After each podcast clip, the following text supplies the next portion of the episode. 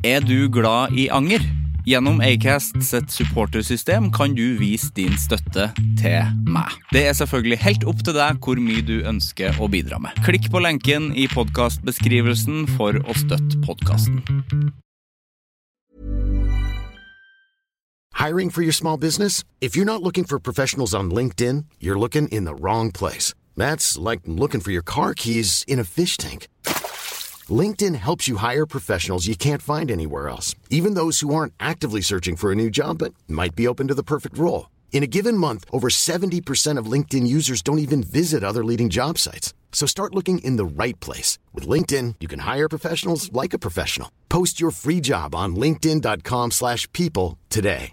Cool fact a crocodile can't stick out its tongue. Also, you can get health insurance for a month or just under a year in some states. United Healthcare short term insurance plans, underwritten by Golden Rule Insurance Company, offer flexible, budget friendly coverage for you. Learn more at uh1.com.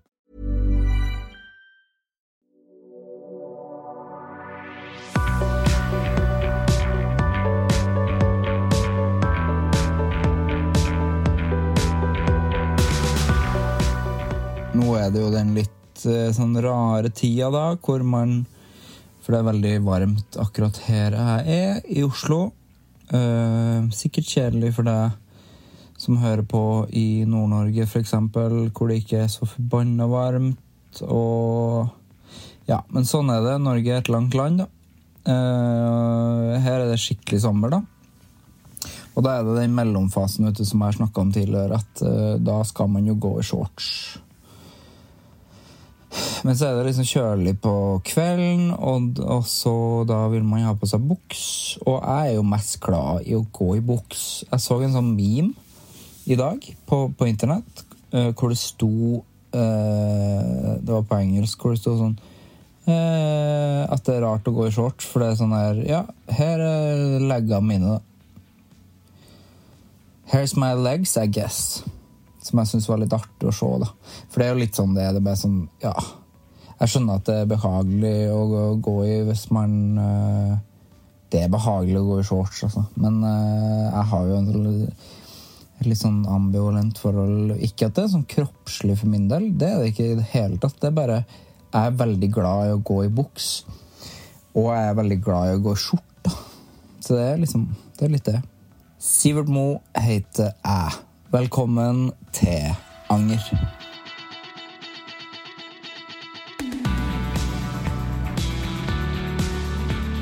Sam Askari er gjest i Anger i dag. Sam er komponist, musiker og låtskriver. Han har ikke så mye kapasitet for å angre, fordi han har ikke evnen til å være så langsint. Hvis han tenker at han har gjort noe som er dumt, så sender han en melding og ordner opp med en gang. Vi snakker bl.a. om å lage en podkast om å anmelde Amerika, om hvor fantastisk Polen er, om å ha en eh, kort stolthetsperiode over det han lager, og ha en god evne til å ikke bry seg over ting hvis de ikke er rett foran øynene hans, en ekstrem trang til å bare gi ut alt han lager med en gang, og at det ikke nødvendigvis trengs å kvernes på alt for å få det til å bli verdens beste kunst. Om visse fun facts fra Ringenes herre som er en plikt å fortelle til noen som ikke har sett filmene før. Om å utstråle en trygghet til tross for et utseende noen kanskje mener er utrygt. Om blodprosjektet Blodknoke, og at man kan si hva man vil hvis du vet at hjertet ditt er på rette plassen. Om å ikke orke å synke dypt ned i en dal igjen, og ha bestemt seg for å ikke gjøre det fordi han er på et veldig godt sted i livet nå, og en god del om hvor vanskelig det er å kjøre sakte i GTA, og å kjenne seg igjen i 24 år gamle punkpoeter kun som 24-åring. Nå starter vi.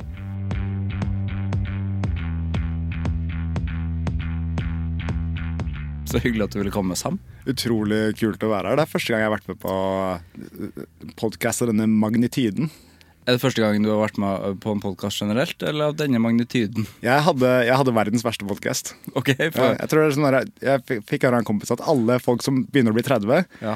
De startet med frisbeegolf, Ja. og ikke bar, men podkast. Ja. På 90-tallet så var det kanskje bare vanlig golf og bar, men nå er det podkast og, og frisbeegolf. Så jeg hadde en podkast sammen med en kompis. Ja. Og vi hadde en genial tanke, sånn som vi alltid har med markedsføring. Det er grunnen til at ingen veit hvem vi er. Og det er at vi skulle, mynte, altså vi skulle sende budskapet fort ut i USA. Ikke til Norge. Nei. Så vi snakket jo norsk og engelsk og hadde et konsept hvor det handlet om at vi skulle anmelde hver stat i USA. Så det er 52 episoder med Jeg tror pitchen var Two ignorant Norwegian guys uh, reviews America. Jeg syns det høres gøy ut. Det var ikke noe eh, gøy. Nei, det var ikke noe gøy. Jeg, jeg gikk med på å lage den fordi han kompisen min, Peter Jusela som han heter, han gjorde alt forarbeidet. Ja. Uh, ja, for det høres ut som det er ganske mye jobb. Han gjorde masse jobb. Jeg bare dukket opp, og etter hvert så begynte jeg å bli lei av å dukke opp også. Og da skjønte jeg at dette her er ikke noe for meg. Så han sa ok, greit, Sam, vi, vi driter å lage en sesong til, eller? Men det var 52 episoder. Jeg lurer på om jeg ba ham fjerne dem, men Ja. du finner dem i en eller annen krok av internett. Men du kan jo ikke lage en sesong til da, kan man det? Er det ikke? Nei, du måtte jo da Nei, det er sant, det er jo Du var jo ferdig. Jeg vet ikke. Nei, nei, han hadde, bonusspor, da. han hadde sikkert tenkt ut noe. Kanskje vi kunne gått over til sånn Sentral-Amerika ja, gå Eller andre Amerikaer, holdt jeg på å si. Eller andre land, ja. Ja. Ja. Reviewing the world. ja. Fylka i Norge. Fylker i Norge. Det tør jeg ikke. Det blir for nært. Ja, Ja. det blir kjempenært Hvis jeg begynner å si sånn, vet du hva, jeg har aldri likt uh, Trondheim. Nei. Da mister, mister ja, Det var det som skjedde i Amerika. da Vi merka at vi la det ut på Reddit, og sånn Og så sier du sånn herre Jeg vet ikke, vet ikke hva jeg syns om Texas, jeg. Nei. Og så får du bare et raser med kommentarer. Hvem faen tror du at du er? Eller Who the fuck do you think you are? Ok, Så det var, det var litt folk som hørte på, da. Vi var topp podcast i Paraguay en uke, tror jeg. Ja, Se der. Det, det er mer enn jeg har fått til. Kanskje ikke slutt å pitche den her i Paraguay. I Paraguay. Ja, det er sikkert en del anger i Paraguay, men må jeg jo Ja, jeg kan selge konseptet. Ja, men du må jo se, ja, Hvilke land er det som har mest anger? Eh, Sovjetland, kanskje? Ja, jeg skulle jo ønske Ja, jeg skulle jo ønske at det var Russland og Men USA også syns jeg bør angre mye. Ja. De bør jo det. De bør angre. Men om, de, om det noen gang kommer til å skje at de faktisk gjør det Nei, det er akkurat det. Jeg syns jo egentlig alle land bør angre. Men det, det gjør nok ikke det. Jeg tror Danmark angrer minst. Hvorfor tror du det? Jeg tror ikke de angrer. Jeg tror ikke de har den jeg tror, eh, Hvis liksom Danmark er en person, så er det en person som bare sånn Ja, det har skjedd. Ja. Og så tar jeg meg en øl, og så, og så går jeg videre. Det høres ut som en veldig behagelig person Ja, det er en veldig behagelig person, og det er jo ganske behagelig å være i Danmark også. Det er det. Men jeg lurer på? Fordi man er ofte i Danmark, så tenker man Jeg snakket bare med, med kjæresten min, og at hun var sånn Ja, kanskje vi skal ta oss en helgetur til Danmark. Ja, tenker jeg, ja, jeg elsker jo Danmark. ja, ja. Danmark er helt fantastisk. Men danskene, har de det godt? Har de det? ja på ekte, At du lurer på om de på ekte har det godt? Ja, fordi Man sier liksom Norge er verdens beste land å bo i, osv. videre Men vi syns jo Danmark er det mest fantastiske stedet å besøke. Ja. Hvor sitter de på stigen over hvor godt de har det? liksom? Ja, det lurer jeg òg på. Mm. Hva er livskvaliteten i Danmark? Ja, for de er, så de er kanskje ikke så lykkelige i Danmark. Jeg vet ikke hva den der lykke Hvor de er på den stigen der. Jeg aner ikke. altså. Onkelen min pleide å fortelle at han dro til Dubai og brukte persi, eh, halvt persisk. Den persiske krona, eller hva det heter. Ikke krona, men persiske valutaen. Ja. Før revolusjonen var sterkere enn den amerikanske dollaren, så han dro til Dubai og dro på kasino og festa og alt sånt, og syntes at Dubai liksom var det mest fantastiske stedet. Ja. Det betyr ikke at det var så kult å bo i Dubai Nei, nei, for menneskene der. ikke sant? Nei, det er akkurat det. Nei, jeg tror, jeg tror danskene Nei, men man syns jo ofte at danskene er veldig sånn chille og kule folk. Jeg syns ofte det er sånn Å, her er det en fyr som snakker dansk. Da tenker jeg sånn Uansett hva han eller hun driver med, så er det interessante. Men er det fordi språket er litt morsomt? Ja, jeg syns det er litt morsomt. Fordi det er andre språk som høres mye mer brutale ut. ikke sant? Da Ja. tenker man de der folka der, de, de, har, de har det tøft. Ja, det er akkurat det. Og så er jo Danmark det er jo så nærme oss, men så fjernt allikevel i måten det høres ut på. Jeg syns tyskerne høres utrolig strenge ut. De er strenge, de. Ja, og jeg, jeg skjønner ikke hva de sier, så Nei. det kan hende at de sier helt liksom, nydelige, poetiske og, Ja, er sikkert, og snille, vakre ting. Men de, sier sikkert milde, de sier sikkert milde ting. ja, Guten morgen! Ja, er det de snakker ikke nødvendigvis sånn. Ja, ikke sant? Men ja. Ja, det er sikkert sånn. Ja, så, nei, jeg, jeg vet ikke. Jeg syns Eh, også Sverige Jeg liker jo svensker best. eh, Du gjør det. Ja, jeg tror det, altså. Kontroversiell mening fra min side. Jeg er ikke, Du er ikke noe glad i er svensker? så, jeg, Det er ikke det at svensker i seg selv uh, er kjipe. Det er bare det at Hvis du spør meg da om jeg heller skulle knukket ankelen min hver uke i tre år, Ja. eller vært svensk statsborger i tre år, så hadde jeg knukket ankelen min. Ja, akkurat det å være svensk, det skjønner jeg. Ja. Å være svensk statsborger er ikke så jævla fett. Men de kommer jo hit fordi de syns det er gøy her, tenker jeg. Ja, ja, det har ikke vært så fett de siste Det er ganske mange år det ikke har vært fett. Nei. Nå har ikke jeg lyst til å bli kontroversiell med en gang, så, men jeg liker Ja, men svensker. Det ble du jo, da. Jeg, liker svensker. Jeg har noen svenske lyttere. Ja. Men de, så de kan- Tanta mi er svensk. Ja, så der. Inngift, men hun er svensk. Ja. Ja.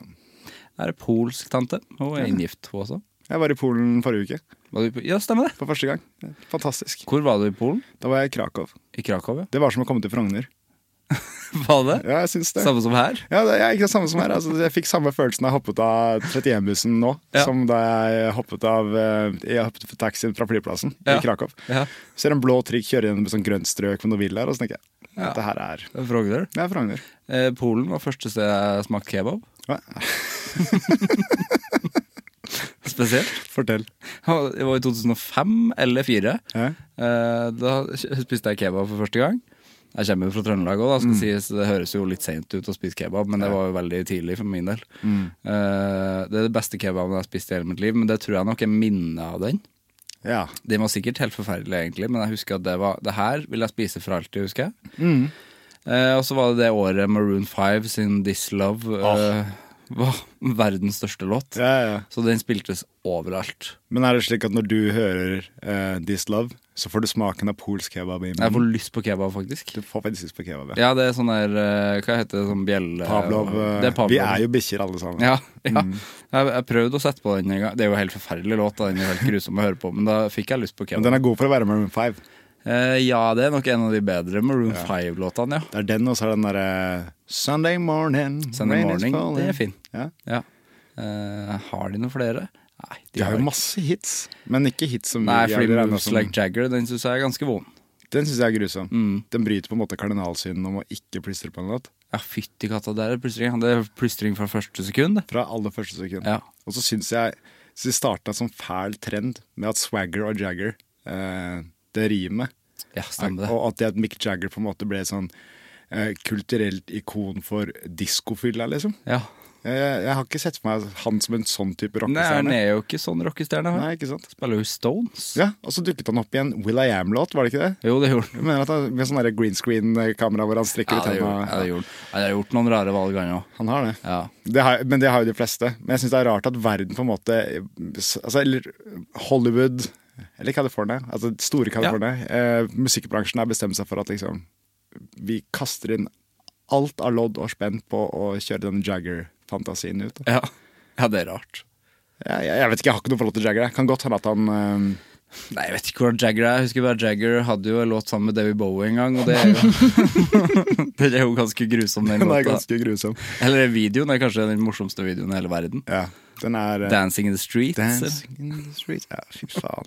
Ja, det, men Når han plystrer og slenger seg rundt den stanga Ja, fantastisk. Det er en video hvor de har fjerna all musikken der.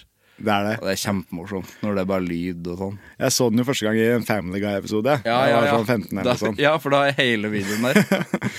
This happened and we'll let it happen. Men var, var det ikke sånne rykter lenge avkrefta og bekrefta av, eh, om at de to var elskere? Jagger og Bowie? De ser jo veldig glad De ser ut som de er veldig glad i hverandre i den videoen. Mm. Så jeg, jeg tror ikke Det er ikke et rart rykte. Nei, det hadde ikke vært, jeg, altså, jeg er ikke fremmed for tanken om at de to kunne vært sengepartnere. Jeg tror nok de, jeg tror nok de var det. Ja. Kan vi bare bekrefte det ryktet her nå? Ja. Vi, autoriteten på Mick Jagger og David Bowie i Det- dette rommet De var sammen ganske lenge, De var faktisk. ganske lenge. De adopterte også en del barn. Ja, Ikke sant?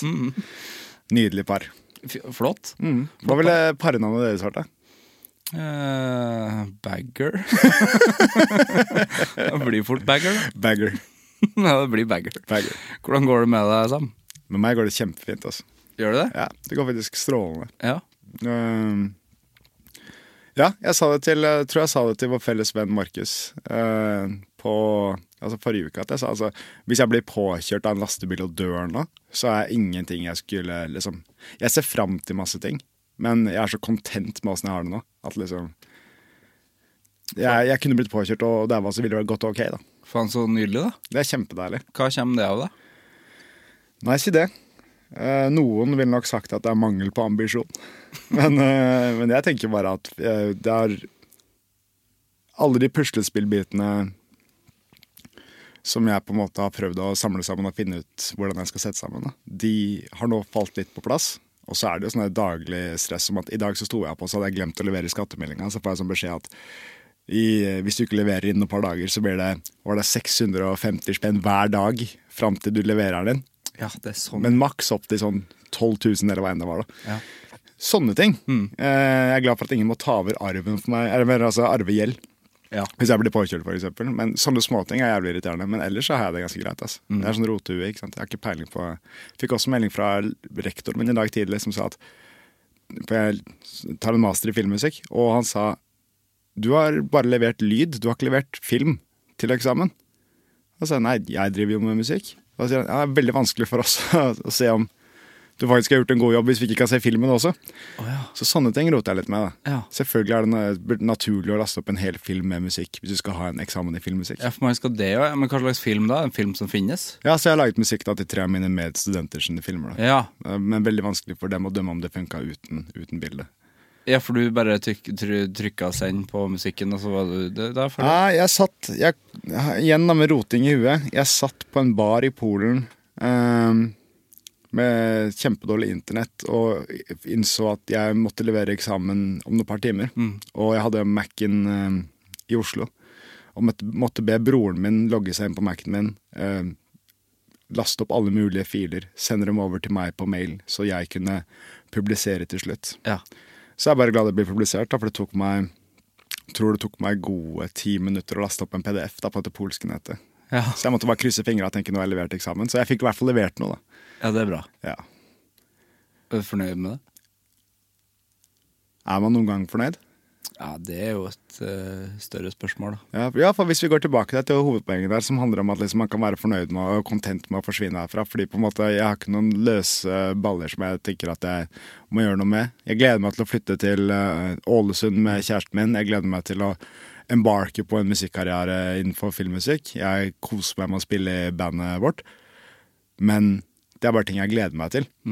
En annen ting når det kommer til hvordan Om noe Om du er liksom hva var det vi akkurat sa? Om du er noen ganger fornøyd, så har jeg falt i et sånt eksistensielt høl, hvor jeg tenker at ing ingenting er jo virkelig egentlig. Jeg vet ikke hvordan jeg skal forklare det. Jeg tror liksom ikke på verden. da.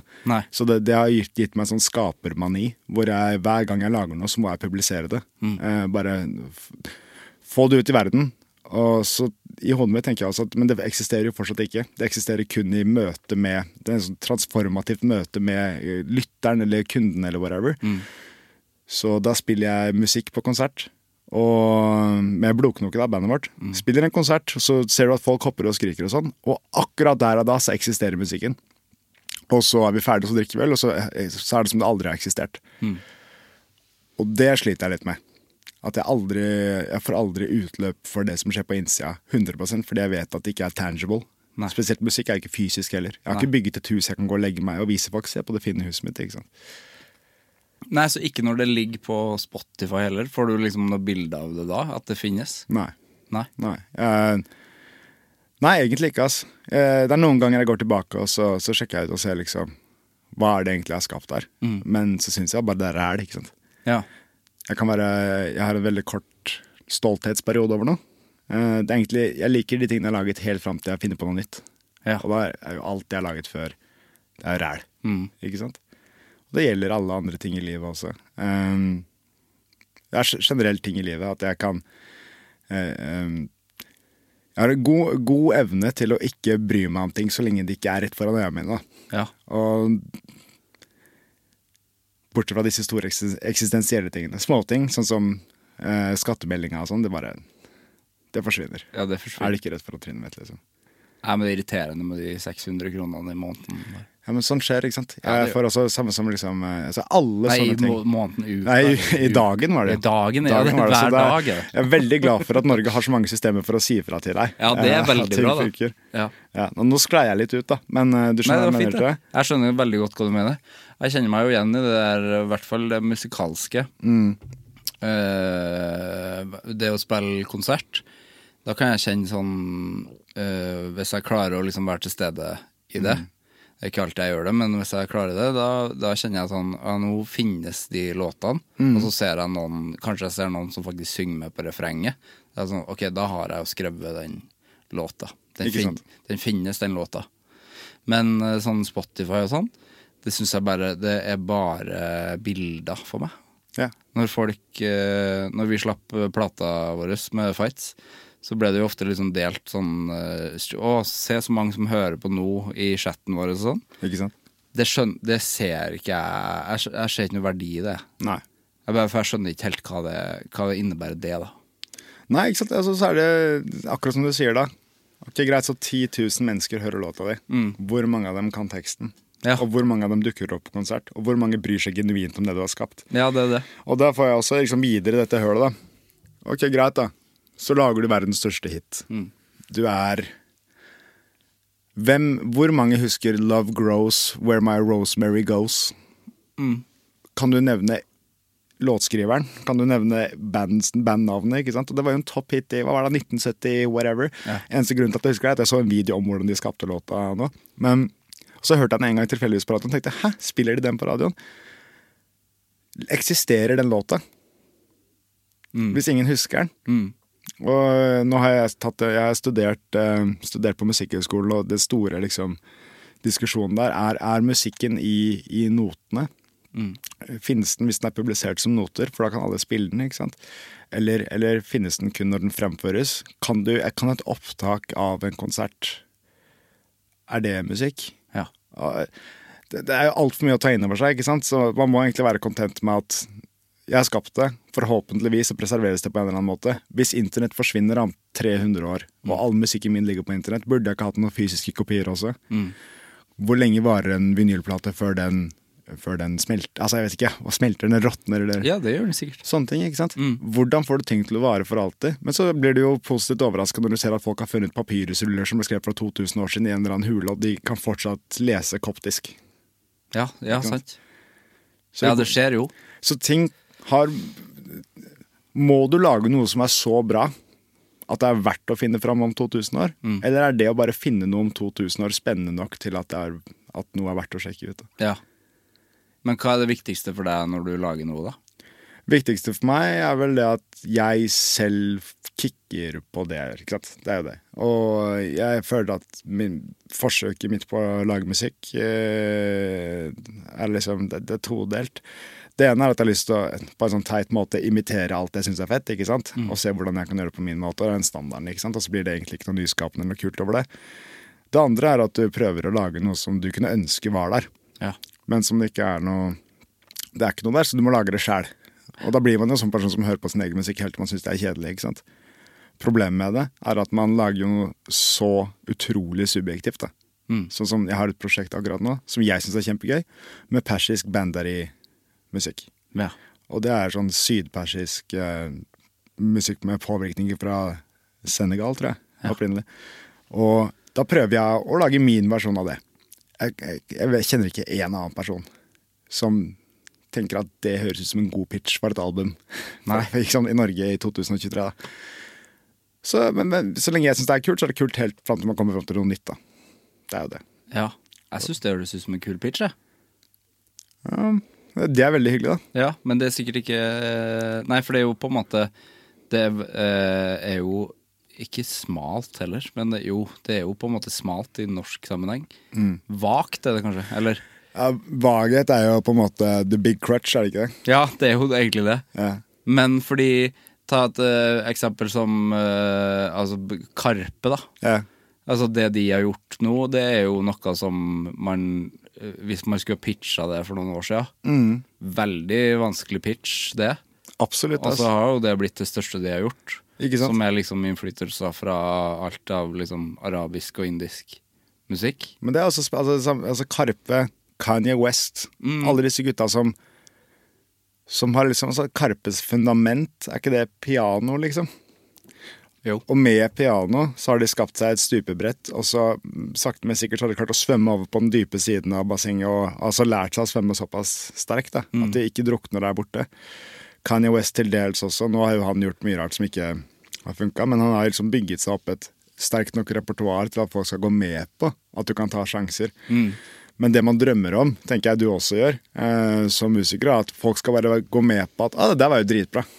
Fra Ja. første stund. Fra starten det. Ikke sant? Det der var jo genialt. Og, eh, og jeg tror med den liksom, sånn slags utgivelsesmanien jeg har, hvor jeg, hvor jeg skyter i alle retninger og gir ut all, all mulig musikk liksom fra sånn laber eh, 2010-talls disko, som jeg syns er new disco, som jeg synes er kul, eh, til Blodknoke, da, vårt punkband. Eh, at en en eller annen gang der ute, blant disse hundrevis av skivene jeg sannsynligvis kommer til å gi ut da, i løpet av livet mitt, Ja. at det kanskje er én.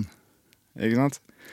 Det må jo være en sånn økonomisk teori som heter noe med det. Satse på alle hestene, og så vinner du, vinner du på én hest. så- Ja, ja.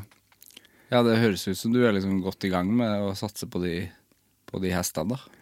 Jo, men eh, spørsmålet er om folk vet at det en gang er et eh, horse race. Det er helt sant. det er som er problemet. Ja. Men hvor lenge, fordi det har jo jeg vært eh, fascinert av med deg, at du har den der skapertrangen og den der utgivelsestrangen. Hvor lenge har du Når starta du med det, å liksom gi ut? Det med, det med å gi ut sånn hyppig, ja. det starta jeg med kun for to år siden. Ja, ok. Fordi da fikk jeg sånn derre jeg jeg følte meg opplyst en dag plutselig. Hvor jeg skjønte at sånn derre, det, ingen, det er ingen som forventer noe av meg. Nei. Ikke sant? Hvorfor, hvorfor faen skal jeg limitere meg eller begrense min output når ingen vet at jeg eksisterer? Nei, fordi uh, før det punktet så hadde du tenkt at uh, noen forventer noe, eller du må vente Ja. med å gi ut ting. Du har, ikke sant, du har jo Alle har sine kritikere som de hører på. Da. Mm. For meg så har det vært eh, faren min, for eksempel, som er musikkentusiast og min største fan og kritiker. Og så har jeg samtidskomponist Jon Øyvind Næss, Ja. som har vært sånn eh, mentorfigur. Og så har du noen par utvalgte venner som har fet smak. ikke sant? Og så går du til dem, og så sier du 'Å, jeg har tolv låter'. Som alle spiller. Og så sier faren min sier, «Å, jeg liker nummer én og tre. John Øyvind sier jeg liker nummer seks og syv. Og sistemann sier jeg liker bare, liker bare tieren. jeg». Og så vil alle at du skal kondensere det ned til den lille pakka der. Og så sitter du og så må du velge å jeg må ta et aktivt valg. Så jeg begynte å gi ut EP-er for to år siden. ikke sant? Fire låter her, fire låter der. Og så satt jeg igjen med en hel haug med tracks. Jeg, faen, jeg syns de låtene her er kule, jeg. Ikke nå lenger, da. Nei, nei. Men på tidspunktet. Og så var jeg så, vet du hva. Hvis jeg sier til meg selv nå at jeg bare gjør et aktivt valg om å publisere alt jeg gjør, uansett hva egentlig, og ikke føler noe sånn jantelovsskam på greiene, hvordan skal folk kunne finne meg om det ikke er noe der?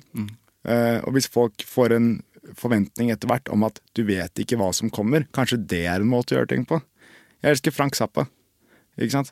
100 album under beltet eller sånn før han daua, og så 100 til etter at han daua. I veldig varierende stil og kvalitet. Men for meg så er det bare en gullgruve å gå inn. Spotify ukentlig, så får jeg en sånn Frank Zappa har gitt ut noe nytt. ikke sant? Ja. Det er evig Ja, for det ting. skjer fortsatt? Ja, det skjer fortsatt. Og jeg syns det er kjempegøy. Jeg, Ja. jeg syns det er nydelig. Og, Sa han at det var greit? Altså er det liksom uh... Nei, det, altså, Jeg vet ikke åssen det er med estate og sånn. Men det er sikkert noe masse business rundt de greiene der. Ja. Men han tok selv og Alt han lagde, samme som Prince gjorde også, ikke sant. Mm. Alt de lagde, passet de på at de hadde lagret i et sånt volt. Ja. de tok vare på alt. Ikke sant? Så det fins der ute, så fins det veldig spesifikke steder, så fins de der papyrusrullene som noen kommer til å grave opp om 2000 år. ikke sant? Mm. De er der fysisk, og så iblant så kommer de ut på internettet. Ja. Men det å gi ut musikk generelt, det har jeg gjort lenge. Så det har jeg gjort siden jeg var Altså profesjonelt siden jeg var 17. Ja. Og så uprofesjonelt siden jeg var 12. ja. Siden du var tolv, ja.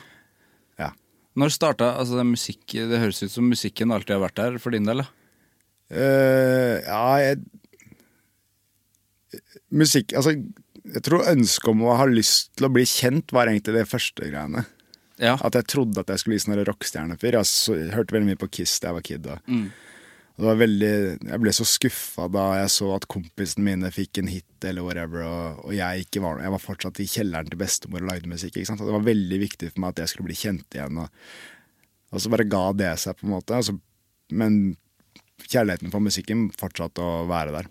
Men jeg syns ikke musikk på en måte er mer verdt enn film. Eller mer verdt enn malerkunst eller noe sånt. Det er bare tilfeldig at det er den jeg har peila meg inn på som kid. Da. skulle jo gjerne vært kjempegod til å skrive essay, eksempel. Ja, Så det er kunst generelt som har liksom Jeg vet ikke, for noe Jo, kanskje fordi jeg føler at jeg ikke klarer å Jeg syns ikke nødvendigvis at taletøyet strekker til hele tida. Det er veldig mye man har lyst til å forklare. Og det kan bli sånn ordmasturbasjon, ikke sant. Hvis du ikke pakker det inn i et eller annet medium som folk kan svelge. Og sanger på 3 minutter og 30 sekunder pleier liksom å være en overkommelig mengde å få en ting på. mm. Men uh, slagsiden ved det er at det er ikke alt jeg har lyst til å si som må rime hele tida. ikke sant? Nei. Nei Eller være på engelsk og sånn. man må jo rime det på engelsk. Man må jo rime på engelsk. Ja, man må det. Helt det- jævlig å tenke ja, på, egentlig. Ja, det er helt forferdelig, faktisk. Mm. Ja, jeg må jo rime hele tida på engelsk. Men det er jo på en måte må jo egentlig ikke det, men det må jo det. Man må rime på engelsk. Ja, altså det, men det, det er merkelig hvordan man på en måte kan være Man kan føle seg så liberal med liksom det å bryte regler og sånn, Mm. men visse ting er bare skrevet i stein. Ja, for det er helt umulig, for jeg har prøvd å ikke rime når jeg Ja. skriver tekster på engelsk. Ja. Det ser jo bare dumt ut, og så høres det dumt ut. Ikke sant? Ja.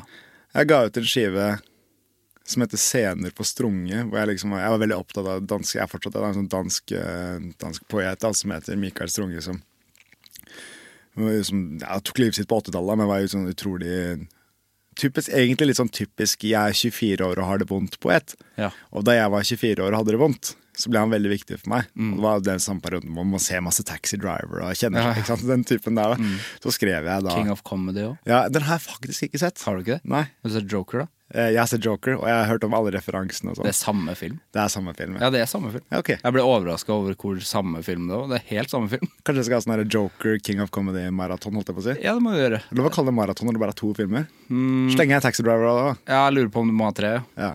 Fire, Altså. Ringenes herre, liksom. Det er jo maraton. Det er tre filmer. Ja. Men går det på lengden av filmene? Ja, mulig Ja, Hvis det går på lengden av filmene, så er jo den første Ringenes herre-filmen extended version. er jo bare maraton i seg sjøl. Liten, liten bisetning. Jeg satt, eh, så, så med dama, så så vi alle de tre Ringenes herre-filmene. Extended, eller? Nei, Det var det som er problemet. da Da vi hadde sett alle sammen, så var det sånn Jeg, jeg, jeg hadde fortalt dere om at du må glede deg til Ja, for det er så mye som ikke er med. Ikke sant? Ja. Så hun, hun ble jo genuint lei seg for at vi ikke hadde sett extended-versjonene. Ja. Og jeg ble sånn Åh, hvordan faen fikk jeg til Men å hadde du aldri sett det før? Hun har nok sett det, men det var så lenge siden. Så fikk du liksom gleden til å si sånn eh, Du vet at Viggo Mortensen brakk tåa si her, eller? Verste, verste. Du gjorde det, eller? Det var det eneste jeg sa før. du sa Selvfølgelig gjorde du det. Og så dukker det opp en meme på, selvfølgelig på Instagram Ja, to dager senere. Ja, fytti helvete. Ja, den, den, det var broren min som fortalte meg da, sist gang vi så den. Men man må si det. Det er jo en fantastisk ting å kunne altså, Det er kjipt at det er allmennkunnskap. Ja, jeg syns det er litt gøy at det er allmennkunnskap. Fordi at det er alltid sånn, Hvis man viser det til et ungt menneske, så er man sånn Og hvis det er flere i rommet, så er man Vi som vet, ser på hverandre når det skjer. Og så er det sånn Hvem er det som skal si det? For du hører jo på brølet hans der at det gikk ikke bra, det der. Nei. Når han sparka den hjelmen der. Det man, det man burde begynne å si nå, er jo sånn Du vet jo at Viggo Mortensen startet et rykte om at han brakk uh, tåa Ja, si. ja, det Eh, skjedde ikke for da får Insider, insider information. Ja. Dobbelt lag. Ja, det skjedde ikke. Man kan jo også si når eh, Sam går ut i vannet der, i den første Ja. filmen, da trampa han på noe glasskår. Ja. Det gjorde han faktisk. Gjorde faktisk det? Ja, det måtte kjøres til sykehuset i helikopter. Lurer du meg nå?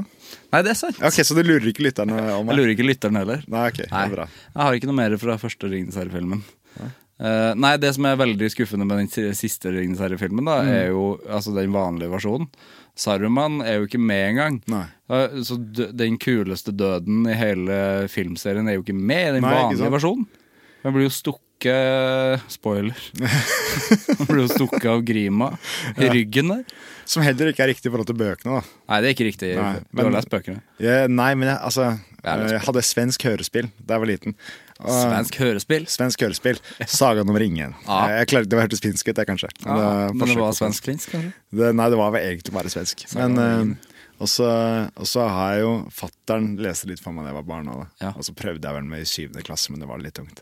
Det er tungt, ja. Det er tungt. Jeg tror jeg har lest alle de i sjuende. Ja, du har det, eller? Ja, men da var det sånn Og det skjønner jeg ikke den dag i dag at jeg klarte. Nei. Hvor, var den, hvor er den attention span blitt av? Jeg har prøvd å sette meg ned med Silmarillion. Ja, ja er, det har jeg gjort fem ganger. det er vanskelig. Ja, men det er en av de få bøkene jeg faktisk sovner av når jeg setter meg og leser på senga. Ja, du gjør det. For jeg leser veldig sjelden på senga. Jeg er en sånn podkast-fyr, ikke sant. Ja. Uh, men den sovner jeg av. Er nattaboka di. Det er nattaboka mi. Jeg, jeg, jeg vet kan- jeg tror jeg kan liksom prøve å resitere, eller gi deg et sånn der, hva heter det, uh, synopsis av synopsis første av kapittel. Kan du gjøre det? Ja, jeg kan det. Kan du gjøre det? Det er uh, han, uh, Jeg husker ikke hva han heter, men han gudekarakteren. Han driver og spinner universet gjennom sang. Og um, Ja, det kan jeg huske. alle disse Ivan, eller hva det heter, disse englefigurene synger med ham, bortsett fra Melkor, som senere blir Morgoth. som er det, han blir Morgoth. Han blir Morgoth. Han, han synger sitt eget vers. Ja. Han er, han er djevelen, da. Og det, liksom, det var eh, hele første kapittelet i tre setninger. da. Ja. Uh, Men det, det er jo mange som sier sånn her Hvorfor lager de ikke en film av det? Men det er jo en veldig rar bok uh, å lage film av. samme som å si hvorfor lager du ikke en film av hele Bibelen? Det jo, det blir sånn heavy stuff. Du kan ta Sjukt at ingen har gjort det. Nei, men du kan jo gjøre det i episoder. Ja, det kan Jeg du. syns jo det. Synes liksom Passion of the Christ, for eksempel. Ja. Det, kunne vært, det kunne vært tre episoder. Ja, men jeg vil helst at Willem Dafoe skal være uh, Jesus. Jeg har heller ikke sett den, altså. Den er, den, den er For det var jo hvem, det, det er jo godeste Hvem som har lagd den, da? Jeg husker ikke navnet, men jeg vet akkurat hva du Ja, snakker om. det er jo Ja. Ja, det må vi komme på i løpet Det av det. Det er sikkert noen sinte lyttere allerede nå. Ja, jeg sitter og hører på, men jeg, sitter, jeg sitter og hører på soundtrack av Peter Gabriel en, en del. Da. Ja, Så jeg har ikke sett filmen, men uh, Han er en god, han er en god Jesus, eh, Willem Dafoe. Og han ser ja, også, så, jeg, Han ser ikke sånn ut, Nei. Jesus. Hvordan vet vi det? Vi vet ikke det, men akkurat Willem Dafoe har et såpass unikt fjes at det, det er veldig få som ser ut sånn. Ja, det er sant. Et ansikt bare en gud kan like. Ja, det er det faktisk. Det er biografien hans, Altså. Men jeg skal spole tilbake bare for å fullføre det poenget Ja, mitt. det må og det var det at, det, apropos riming og sånn, for jeg Ja. skrev dette, jeg skrev dette, dette såkalte uh, verket mitt. Da. Var det der vi spora av? Ja, som het 'Scene på Stronga'. Det skulle liksom være ung mann plaget 24 i år, Oslo, 24 24 år. Og så, så skrev jeg det som, egentlig som en slags klein rappgreie som ikke ble rapp. Så det ble bare diktopplesning. Og så skulle jeg legge det ut da, med musikk, og det var noen sanger inni der. og sånn da. Så skulle jeg legge det ut på Spotify, og Spotify, uten at jeg hadde just skrevet noe om det, gjorde det om til lydbok.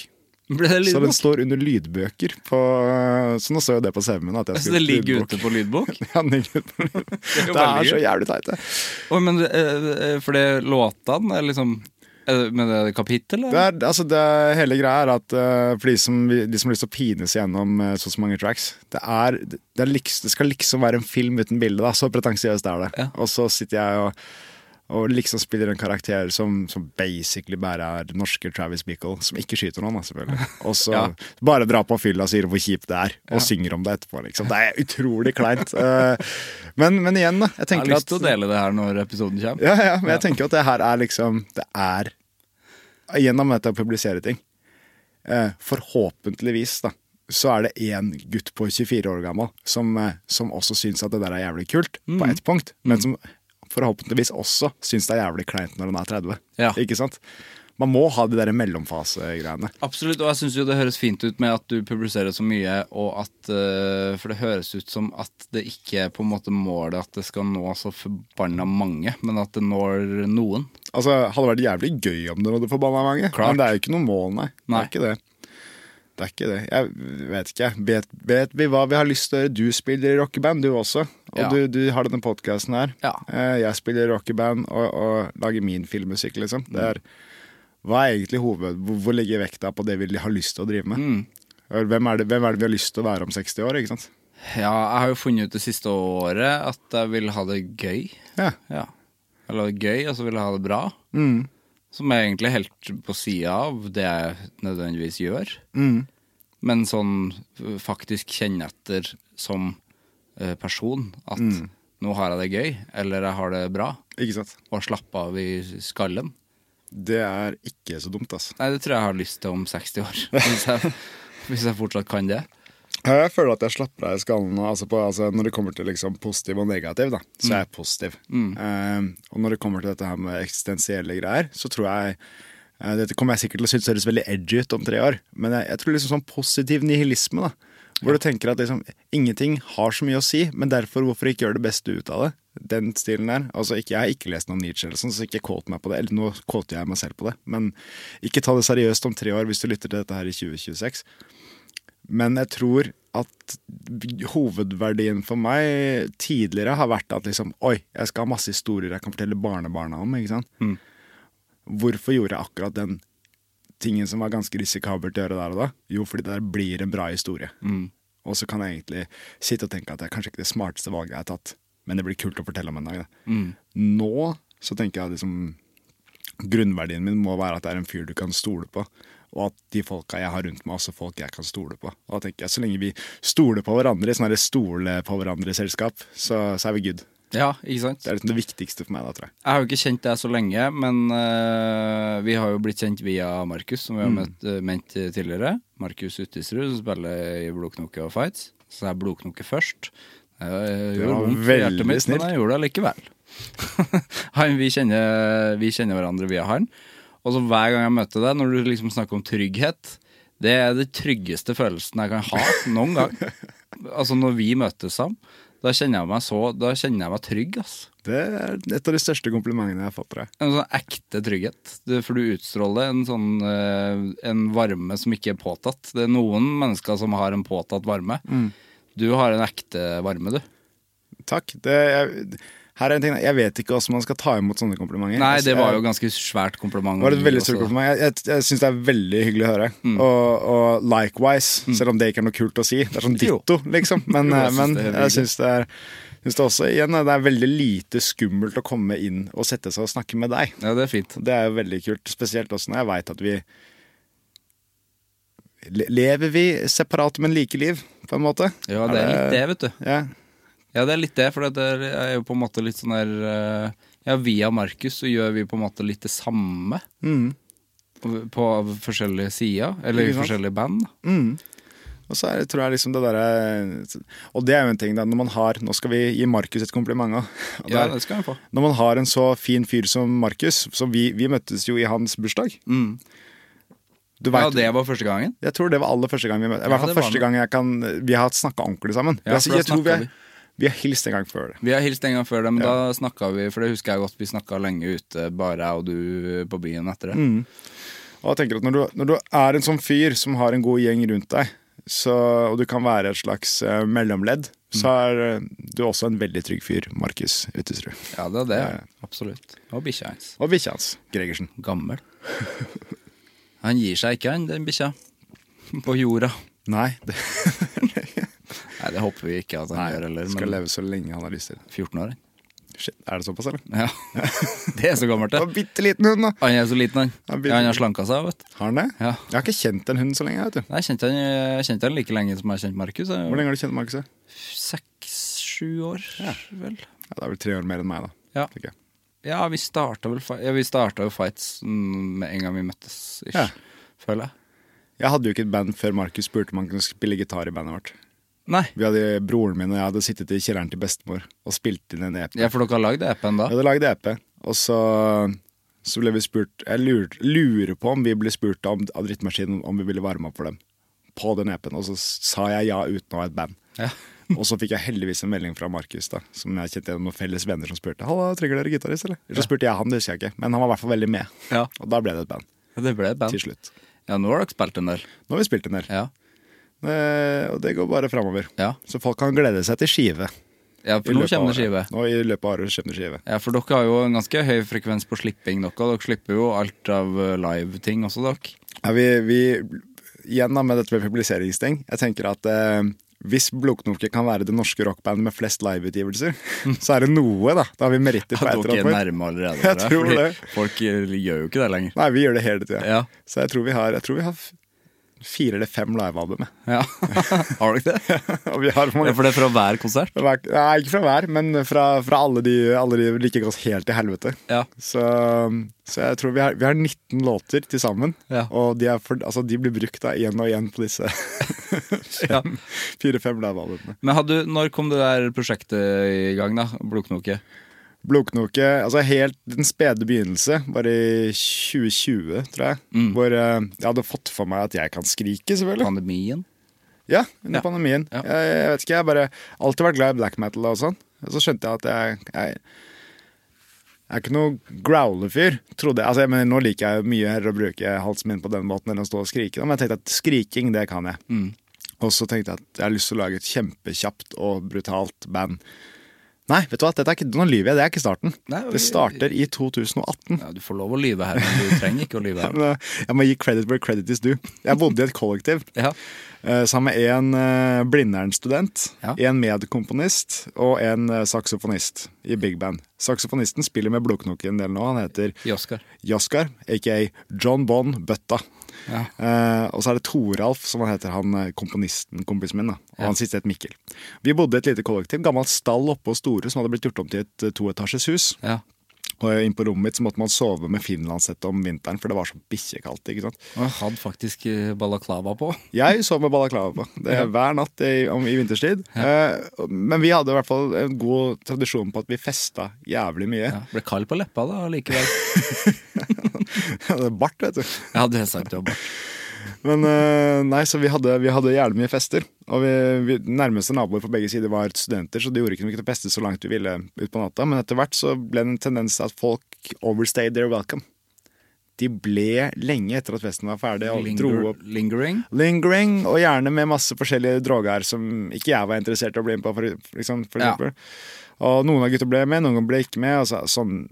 Men så kom han Toralf, øh, kompisen min, på at vi burde lage et band for å skremme ut gjestene.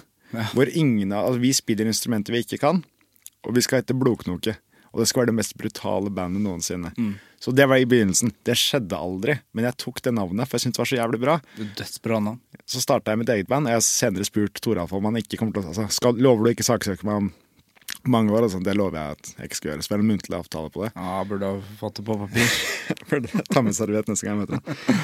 Men nei, så starta vi i bestemors kjeller, da. Lillebroren min, Kjøttsår, ikke Romer Rafael, eh, og jeg. Og vi spilte inn en demo som vi da viste til punkevennene våre, som alle hadde sterke kritikker, ikke sant. Dette er dårlig miksa, som, om det har noe å si. Eh, Kjedeligste jeg hører. for mye dist på gitaren. Og, Kjedeligst jeg hører. ja, og rett, altså, sånne ting. Eneste fyren som likte det, det var um, Hanse fra Loose Teeth. Uh, Ja. Han var den eneste som syntes det var kult. Da.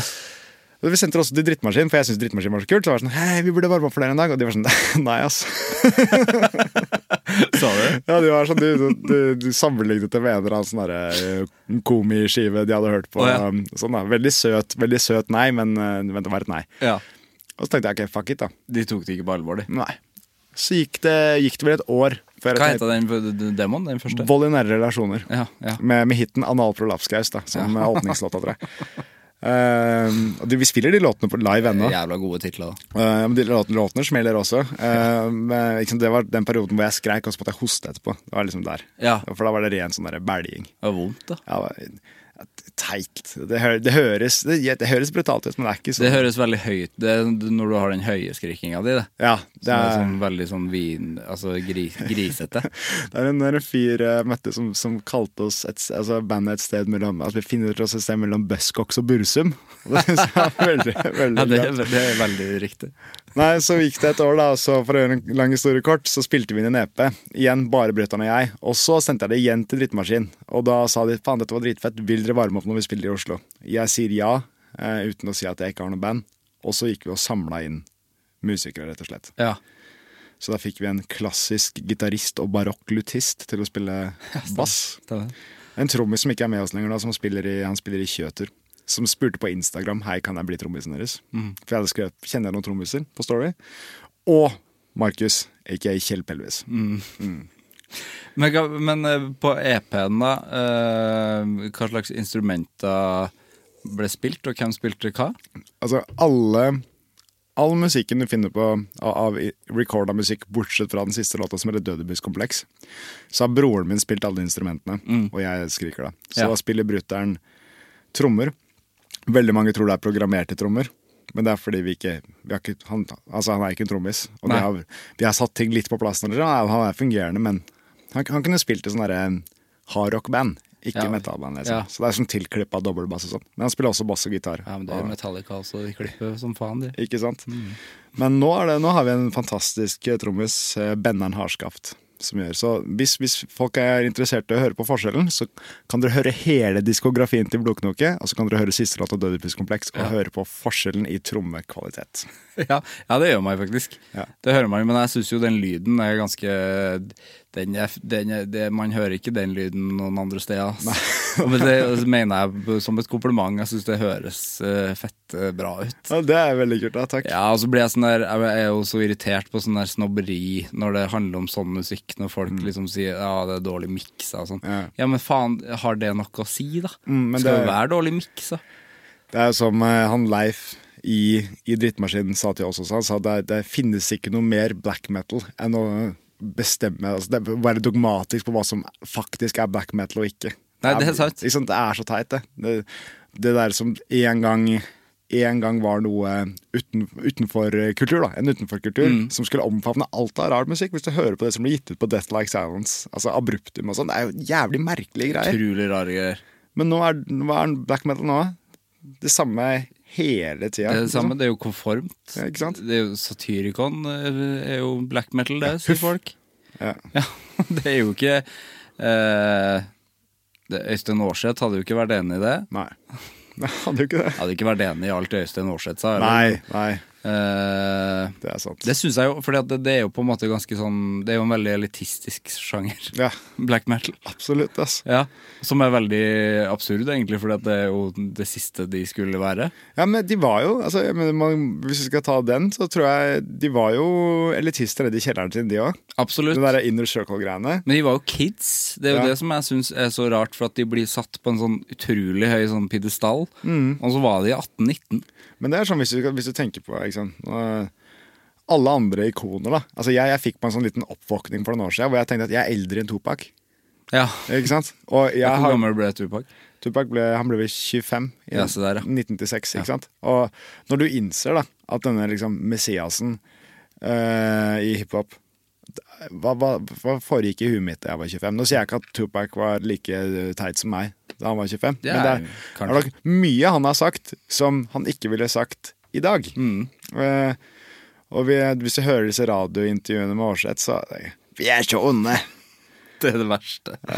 Og jeg har så dum stemme òg. Vi skulle opp på Kveggpels, ikke sant? Ja. Første intervjuet vårt da, med som blodknoke. Ja. Og da, spil, da tok vi en prat rett før. Bare sånn, vi er enige om at vi ikke skal gjøre noen karakterer nå, ikke sant? Sånn, ja, det er vi enige om. Vi skal, vi skal ikke late som vi For det kunne vært gøy, men eh, det er nok karakterspill i musikken, tenker jeg. Ja, det var gøy å gjort en årsett der, ja. Jeg hadde en god parodi på han en gang. Men jeg husker ikke Ja, men no, no, Det var dumt at jeg sa det, for nå husker jeg det ikke. Men han var, han var jo veldig sånn der eh, ja, vi er jo veldig onde. Ja, ja, det høres er jo- ut som- altså, ja, Han er fra Molde, Molde-type. Det var veldig bra. For han var jo Hvor gammel var han? Ja, 19 sikkert? Han kan ikke ha vært mye gammel, ass. Men hva de fikk til, da? Åpne platesjappe.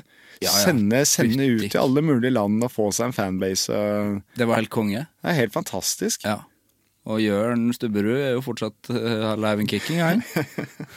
Han kicker Live, også fra seg. kicker ganske mye fra seg. Fy faen, kicker fra seg i intervjua. Det blir jo, blir jo nesten lei. Jeg syns, jeg syns det er gøy, jeg. Det er gøy, ja. Jeg, syns det, jeg lurer på jeg lurer, Men det, det gøyeste syns jeg er å se på de andre i bandet som sitter helt stille og ser på. For de har jo ikke sagt et ord, de andre, Nei, ikke sant? på alle år. Nei. Eh, Hellhammer har sikkert sagt litt. Han har sagt Han er jo den mest han sagt, kontroversielle han har sagt helt forferdelige ting. Han har sagt mye teit. Altså. Jeg, så, Ja. jeg så jo igjen den derre 'Hvis lyset tar oss', eh, den dokumentaren. ja. Ja, hvor han sier at jeg hyller, uh, hyller Faust for det drapet. Og, Ja, det gjør han, og sånn, Ja, faen, som jeg er helt Ja, ja, og så hyller han vel Hitler òg, tror jeg. Gjør han det også? Ja, da, jeg tror det.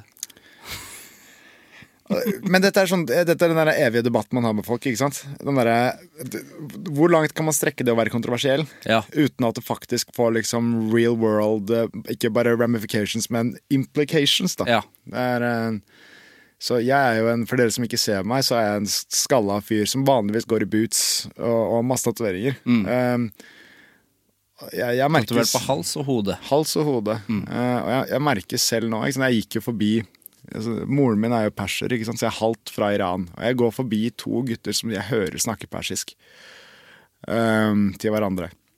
Og når jeg går forbi, så gjør de sånn Nazist! Da tenker jeg Nå har jeg lyst til å snu meg og si vi er fra samme land, for faen. Ja. Men det som skjer, er at jeg nesten blir litt lei meg. Og så tenker jeg, både for min egen del, uh, kler jeg meg ut som en slemming nå? Og for deres del, skaper de et fiendebilde av nordmenn eller altså andre mennesker bare fordi de ser ut på en viss måte. sant? Det, det er lose-lose, da. Og vi Faen, hadde jeg vært stødigere i morsmålet, så kunne jeg sagt på språket at det var Men eh, det er liksom ikke noe vits i å snu seg da, og si sånn Bare så du veit det, så Men Nei. eh, det er jo utrolig kjipt, da. Ja, det er kjedelig. Mm. Og veldig kjedelig at du kjenner på den der øh, følelsen for deg sjøl, på en måte. Eller at, det, at, du, at du kjenner på en skam. Litt sånn skamfølelse. Altså, det, det har ikke vært sånn før. Eh, jeg har alltid vært veldig bevisst på at jeg skulle være en firmastatueringer. Mm. Og jeg hadde jo en gang langt, flommende hår, sånn som deg også. Ja. Men jeg bestemte meg tidlig for å skinne meg, for jeg syns faren min var sånn veldig på at jeg skulle ha langt hår. skjønner du Så min rebell var jo det at jeg skal ikke være noe hippiegutt. Mm. jeg skal klippe det håret mitt. Eh, men så begynte jeg å miste det. Så nå har jeg lyst på langt hår, for nå kan jeg ikke få det. Ikke? Så, men sånn er det. Så da blir man en skalla fyr. Og så med tatoveringer. Og så skjønner jeg selvfølgelig at det er Det er en Altså, se for deg en nynazist, så ser det jo ser det ut som meg, veldig vanligvis. Ja Ja, men altså ikke bart og ikke Det kan være. Ikke bart. og ikke så, ikke så trivelig. Altså, det er en annen vibb, altså. Ja. Det er jo en vibb, men det er jo ikke alle som ser den vibben. Da. Det er jo folk som kjenner deg, på en måte. Altså, det, har jo, jeg- det har jo du og jeg snakka om før, faktisk. At eh, altså, hvis man bare ser deg på gata, så selvfølgelig så ser det litt skummelt ut. Men jeg tenker det er en positiv ting i, i, i visse situasjoner også. Ja. At liksom det, det er deilig, og, og det, det, jeg kan jo ikke snakke ut ifra andre enn min egen opplevelse, men det å føle at man kan gå trygg på gata fordi man ser ut som en fyr som folk ikke nødvendigvis har lyst til å kødde med, da, det er en positiv ting. Men når det er slik at man sitter på bussen, og så ser man denne eh, jeg vet ikke, eldre dame. Altså det er tre plasser igjen i den firkanten, og du tenker jo Unnskyld meg, hvorfor, hvorfor velger du å stå? Ja. på full buss når jeg har tre plasser der. Nei, det er jo Ja, det er kanskje vondt. for, ikke sant? Det er verre for henne, da, for hun må jo stå. Ja. Men det er jo kjipt for meg òg, definitivt. Ja, jeg får jo den bare av mine snille tatoveringer. Ja, ja. Jeg har jo snille, fargerike tatoveringer, men jeg har tatoveringer på hendene og sånne ting. Men se, man ser jo ut på en viss måte, og så vet jeg jo det, liksom. Mm. Og at jeg kan se litt streng ut. Ikke sant? Sjæl. Ja. Sånne der strenge trekk. Ja, strenge fjes. Jeg kan se litt sur ut også. Ja. Kanskje jeg er litt sur også, noen ganger. I hvert fall ute på kollektivtrafikk. Da er Mm. jeg jo ikke veldig blid. Nei, der, men der har jeg tatt en prat med en kompis av meg, som teorerer-kompis, da, som sa at Sam, det er vårt ansvar å være de gutta som bærer barnevogner. Og sånn. Ja, det er sant. Og det er det. Det gjør jeg også.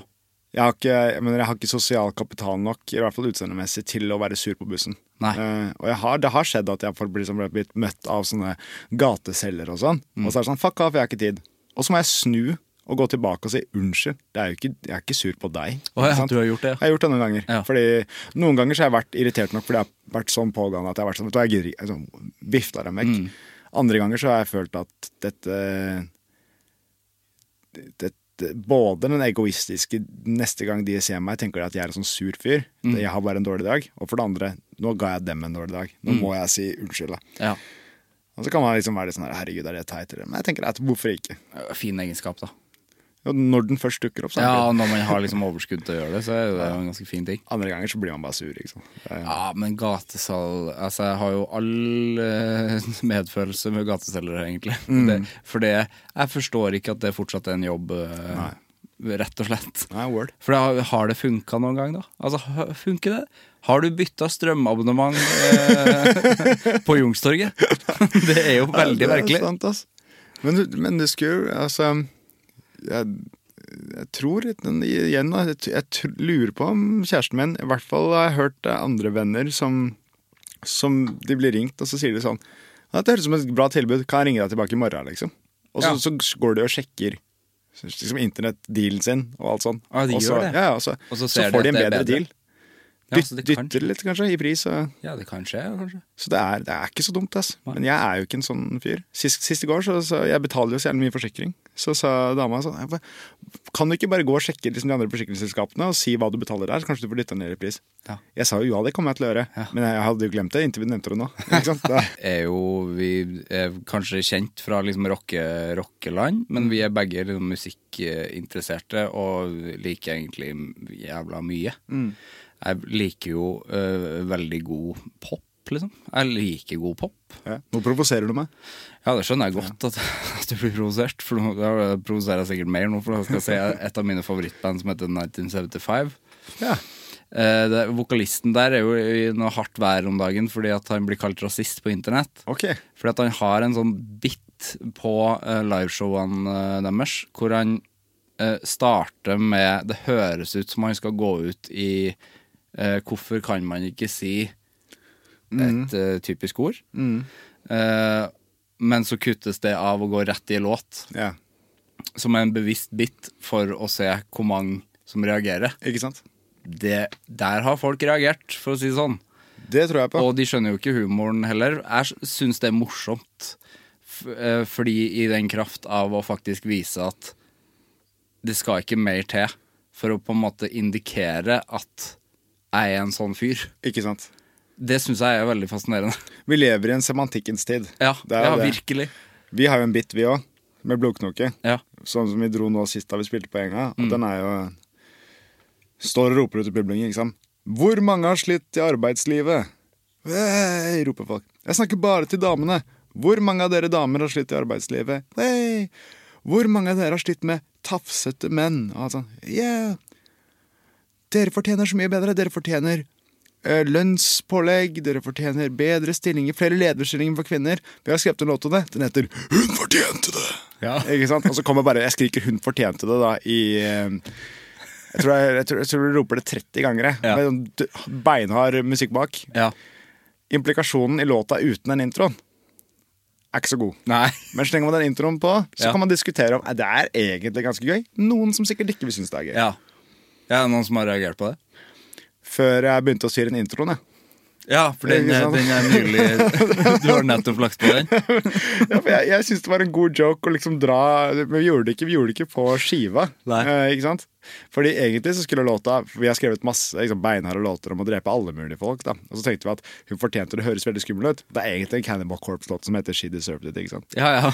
Så vi lagde Hun fortjente det, og så var det egentlig skulle være en sånn lang historie om øh, krangel og alt sånn. Men så var det broren min som sa til meg Sam, det høres mye skumlere ut om du ikke sier hva hun fortjente, eller hva som skjedde.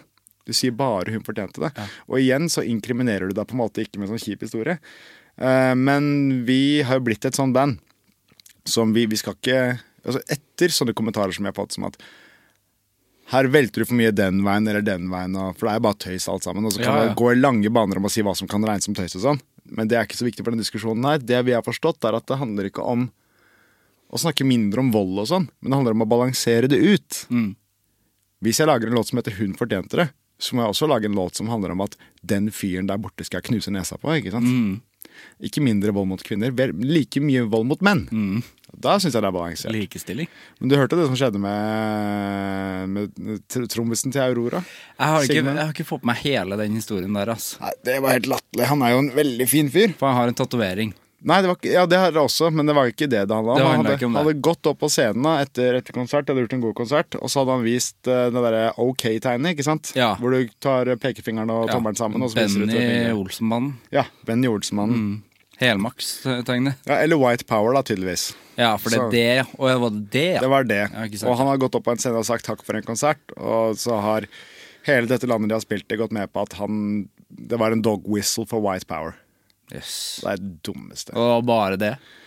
Det var det, og så begynte folk selvfølgelig å slute, da, som det heter på internett. Ja. Og hadde funnet noen tegnebøker han hadde fra Instagram for ti år siden, eller whatever. ikke sant? Hvor ja, for jeg hadde- trodde han hadde tatovering som var et eller annet greier, men det var jo Han er jo den minst nazi-fyren i verden. Ja. Ikke sant? Så det er liksom det er sånn, altså man kan jo jeg lover deg, hvis folk hadde analysert oss nå, hvis de hadde bestemt seg for at vi har gjort noe Å, fælt, ja, ja, ja. så finner de jo ikke sant? lett. Veldig lett å finne ting som ja, har sikkert, Ja, ja, har um, mye. sikkert en eller annen tatovering her. Jeg har, et, jeg har et lyn her.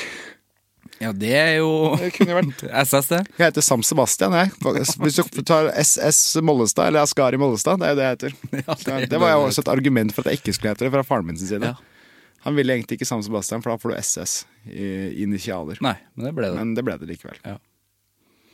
Sam Sebastian. Faen, det er gøy å si. Bruker du, Sebast bruker du Sebastian nå? Nei, jeg gjør ikke det. Jeg føler at, men det er litt også litt gøy. Jeg føler at Sebastian er en, en annen fyr. Ja, det er en veldig annen fyr. Ja. Hvis jeg introduserer meg selv som Sebastian, så Ja, eller jeg begynner å kalle deg Seb. ja, Å, fy faen, det er kompis... Ja, nå er Peter Jusela, hvis du hører på. Fuck you. Sier han det? Han sier 'halla, Sebbe'. Sebbe, ja. Nei, jeg skal ikke gjøre det. Nei, Jeg syns det er veldig provoserende. Eh, men jeg heter jo sånn Sebastian. Ja. Men det er ingen som har kalt meg mitt fulle navn, bortsett fra hvis de er irritert på meg. Ja. Så, du vet, når man, si- man sier jo hele navnet når man er sur på noen. Ja, Så kjæresten og moren min og alt sånt der Sam Sebastian Askari Molstad. ja da er det Da, da veit jeg, nå er jeg driti meg ut. trøbbel. Da er det trøbbel. Men nei, Sam Askari, den Ja. profesjonelt navn. Men tenker du på det når du skriver i låtene, da? For eh, altså, jeg kjenner jo deg, og jeg kjenner Markus, og jeg kjenner mange i det bandet, og jeg vet hva det bandet står for. Og det er på en måte, som du sier, det er ikke nødvendig å skulle forklare at noe er kødd heller, på en måte. Nei, men det er det jeg tenker at liksom, faen Jeg sier ikke at Altså Jeg har ikke noe argumenter for eller imot, Nei. fordi jeg ikke bryr ikke sant? Jeg, For det første er vi en, et så lite band at uh, det skal godt gjøres å prøve å Vi hadde tjent på kontrovers. Hvis noen har lyst til å skrive en, tank, en thinkpiece om hvor forferdelige tekstene våre er, please do. Ja, det er jo bare Kan- hylles. kan bare gagne oss. Men igjen så er jeg sånn Jeg, har, jeg skrev faktisk Nå skal dere ha en morsom historie. Jeg skrev et Facebook-innlegg i 2000 og, Da Sjeiken var en russelåt. Ja, Tix eh, Ja. sin. I natt er det lov å være hore. 20, ja, det, 2014 eller noe sånt. For da Lillebroren til kompisen min var på den bussen. det er så lenge siden. Ja, Ja, jeg tror det. akkurat det hadde gått ut av videregående. Så 2014 eller 2015. Var det første hiten hans? Første, første skikkelig svære, tror jeg. Mm. Og da var det masse kontro, ikke sant. Og så hadde jeg snakket med moren til en kompis av meg, som, og hun sa jo ja, jeg kan ikke tro at jenter og gutter hører på sånn musikk. Vi hørte på snill musikk da vi har vært Vi hørte på Bobby Brown og Zappa, vi. Og så var jeg sånn Men vet du hva han sier i den låta? Og så skrev jeg bare et, et startet med et Facebook-innlegg, da. Hvor jeg skriver liksom at herregud, det er helt ok å spille Shake That av Eminem og Nate Dogg Ja. på, på VG-lista. Og det er, det er helt ok å synge Bobby Brown i, i 19 uh, Pill og bue. Ja, er det bare en Candy Shop og Eminem? ja, Nei, 50 Cent. Ja, det, er helt, det er helt greit, men sekundet er på norsk.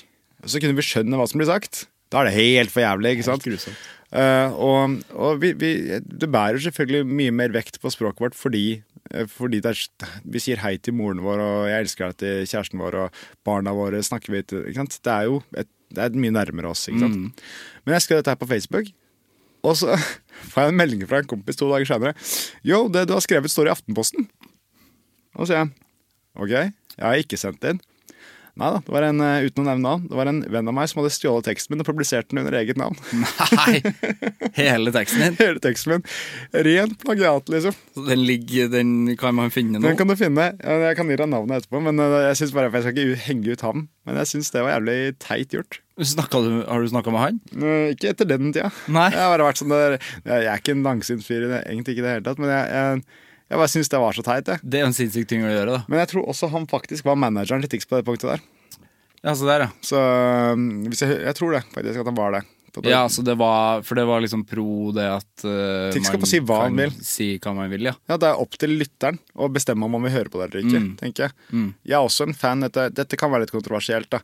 men jeg er fan at uh, man skal misforstå meg rett nå. Jeg liker at du ofte, når du uh, sier ting nå, Sam, Ja. så tar du ofte Du, du tar høyde for at det er kontroversielt. jeg tar høyde for det der. Jeg tar høyde for at det kan misforstås. Så nå skal Ja, det, er det er sikkert viktig. nå skal jeg prøve å forklare meg så, så, uh, så eloquently på norsk som mulig. Ja. Og det er at jeg liker når folk sier fæle ting. Fordi hvis jeg syns det er så fælt at jeg ikke vil ha noe med dem å gjøre, så trenger jeg ikke ha noe med dem å gjøre. Det verste jeg veit, er når folk smiler til meg, og så inni huet tenker de 'jævla iranerfaen'. Jeg skulle, ikke sant? Hvis de hadde sagt det, så hadde jeg tenkt 'å, jeg skal aldri handle her igjen'. Ikke sant? Sånn tankegang liker jeg. Pro- Trans, transparent. transparent.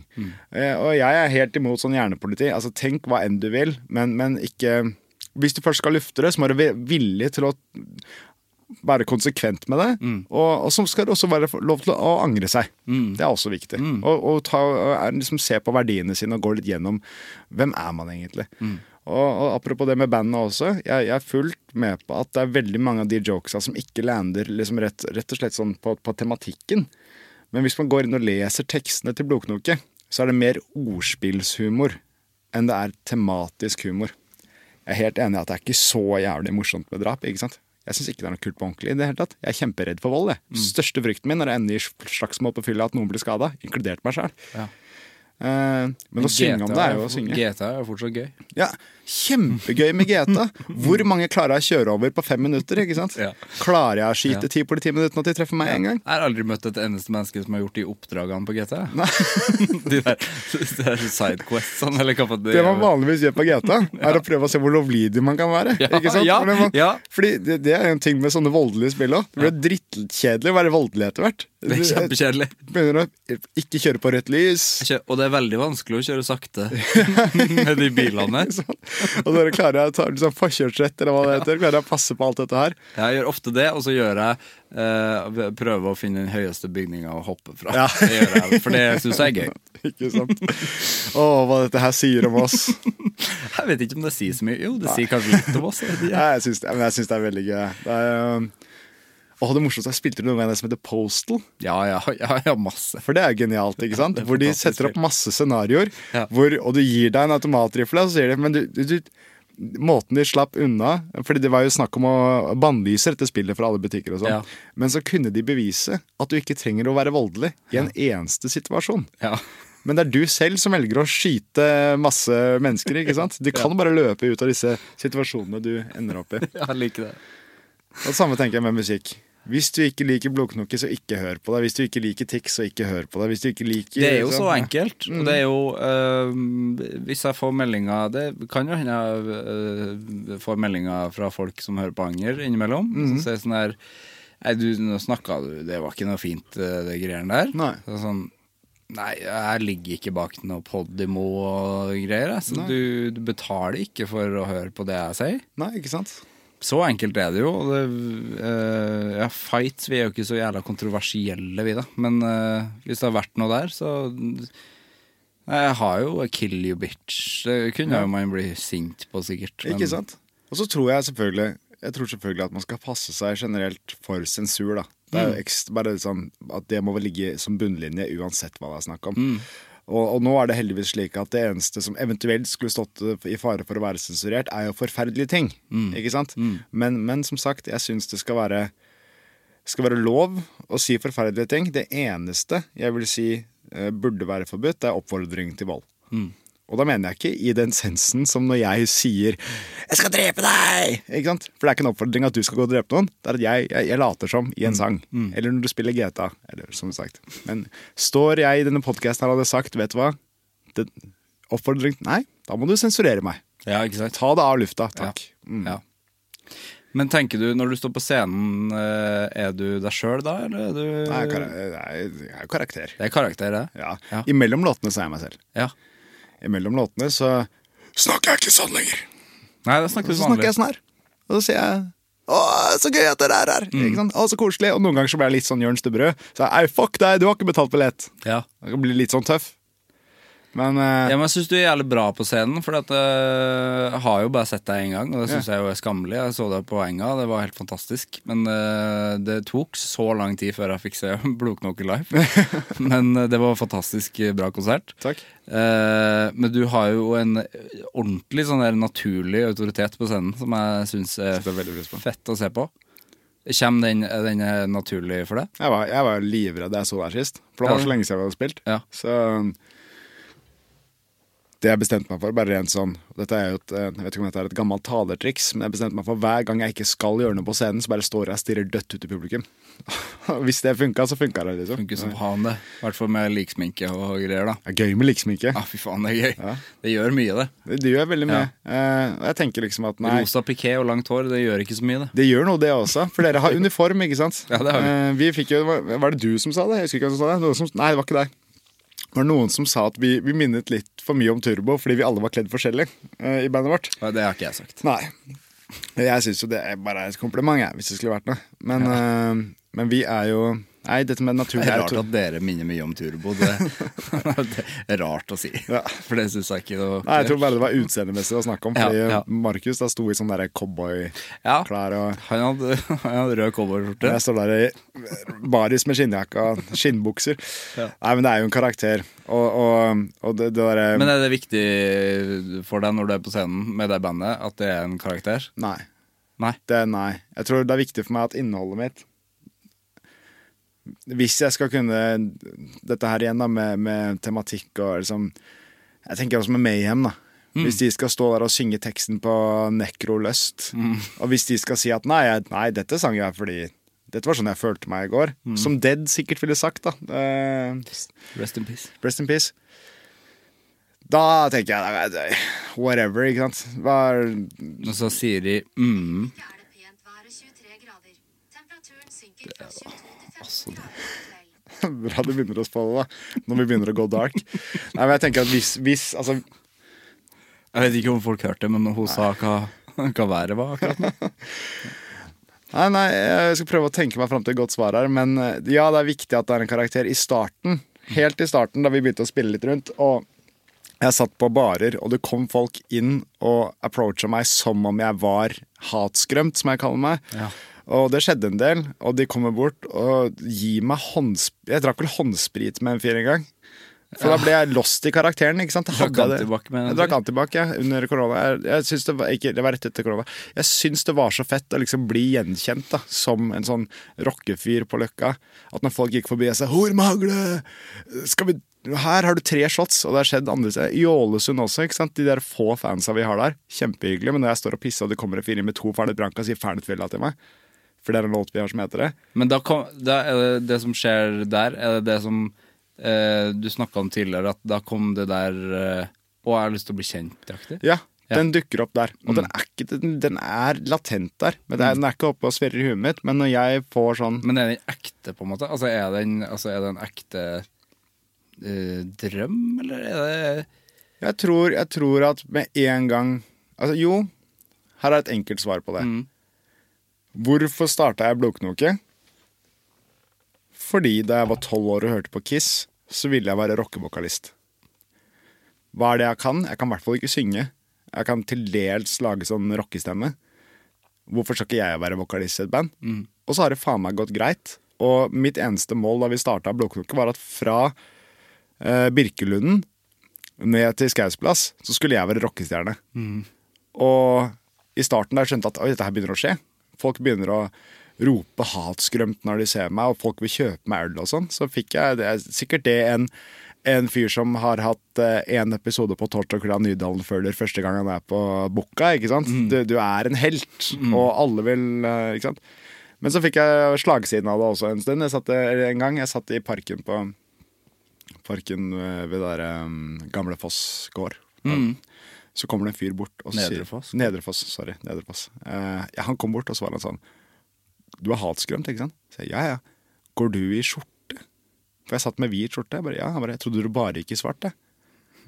Og så setter han seg ned, og så Ja, jeg tror han, han drukket litt, da, men han liksom hadde en, en kjip opplevelse litt med noen venner og, og lessa over det på meg. da, Jeg syntes det var veldig fint å kunne på en måte hjelpe han, men så skjønte jeg at han aner jo ikke hvem jeg er. Han har ikke noe forhold til Sam Askari.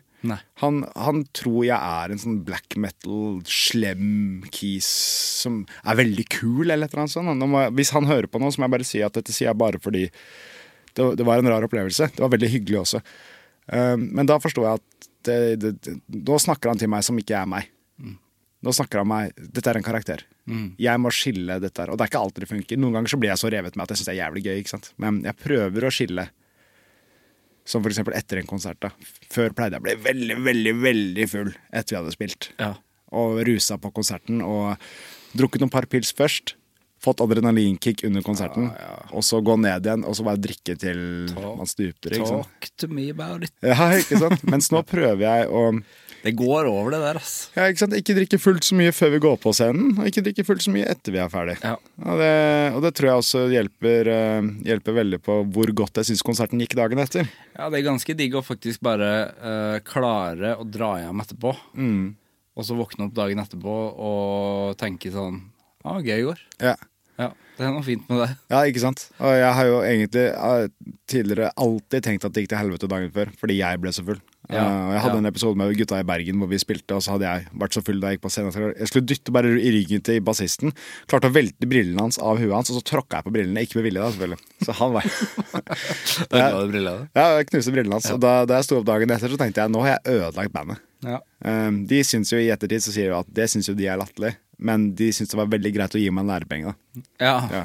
ja. Så, ja, det er jo det. Men det gikk jo greit. da på, til slutt, da midt på Bergensbanen, så, så kom eh, bassisten med Gaute Sviksnes med de knuste brillene og, og ga meg en pølse. Og det var fredspipa. Nå er vi faktisk Alle brenner for dette bandet her. Lederen i bandet, det er han Thomas, da, eller Gaute Sviksnes som heter. Han er jo de facto leder. Han tar seg av alt sånn. Markus er superinspirert på å skrive nye låter, og han tror jeg nesten blir lederen av hvordan vi skal spille inn. Og trommis Benjamin, han, han er jo ryggraden til bandet. Og jeg, hva er jeg? Glasur. Ja, Glasuren, Det er jævlig digg å være glasur, da. Alle er husker beste, kaka etter glasuren.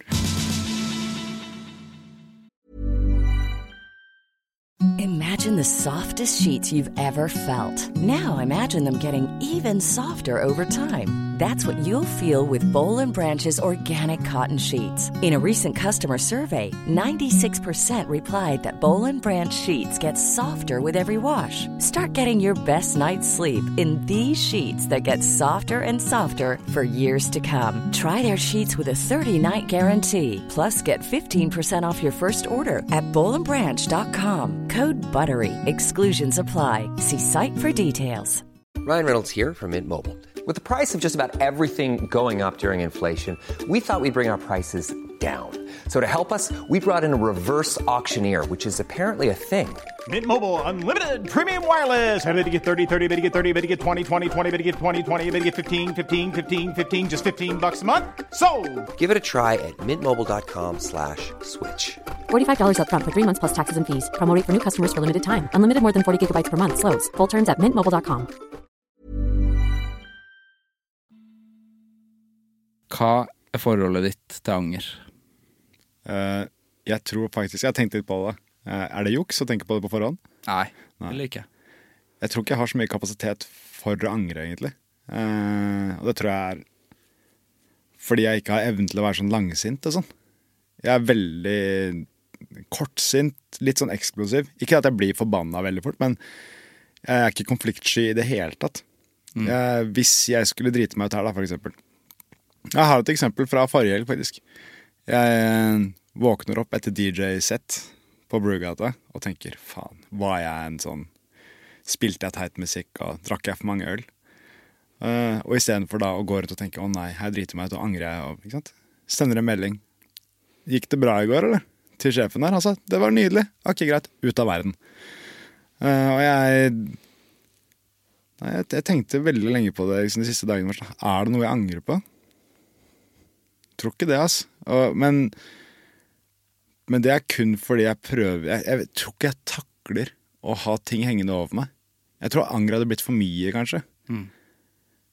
Um, sånn som vi begge to er. Jeg er en sånn fyr med høye, høye, høye og dype daler. Høye fjell og dype daler.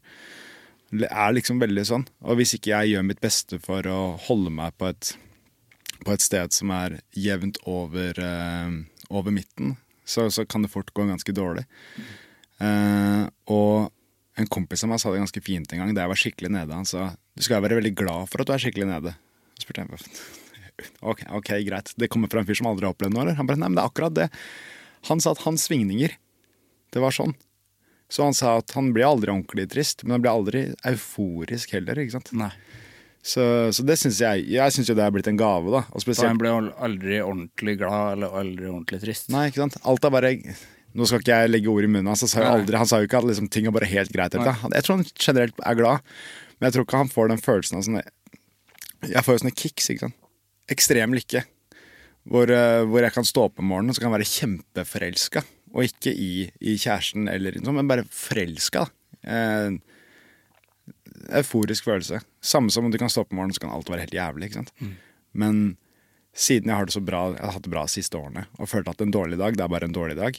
Og hvis det skulle være noe som forårsaker den dårlige dagen, som jeg ikke har lyst til å strekke seg over lengre tid, så må jeg ta oppgjør med det nå. Så nei, Anger? Jeg, jeg tror jeg har vært sånn siden jeg var liten. Jeg stjal nøklene til læreren i sjette klasse for å bryte meg inn og stjele brus i 17. mai-rommet. Ja. Men så kom hun dagen etter. Jeg hadde hatt nøkkelen på meg i lomma i 24 timer. da Så spør læreren er det noen som har sett nøklene mine. Ja, var jeg som stjal dem. Ikke sant? Jeg, jeg klarer ikke. Nei. Nei.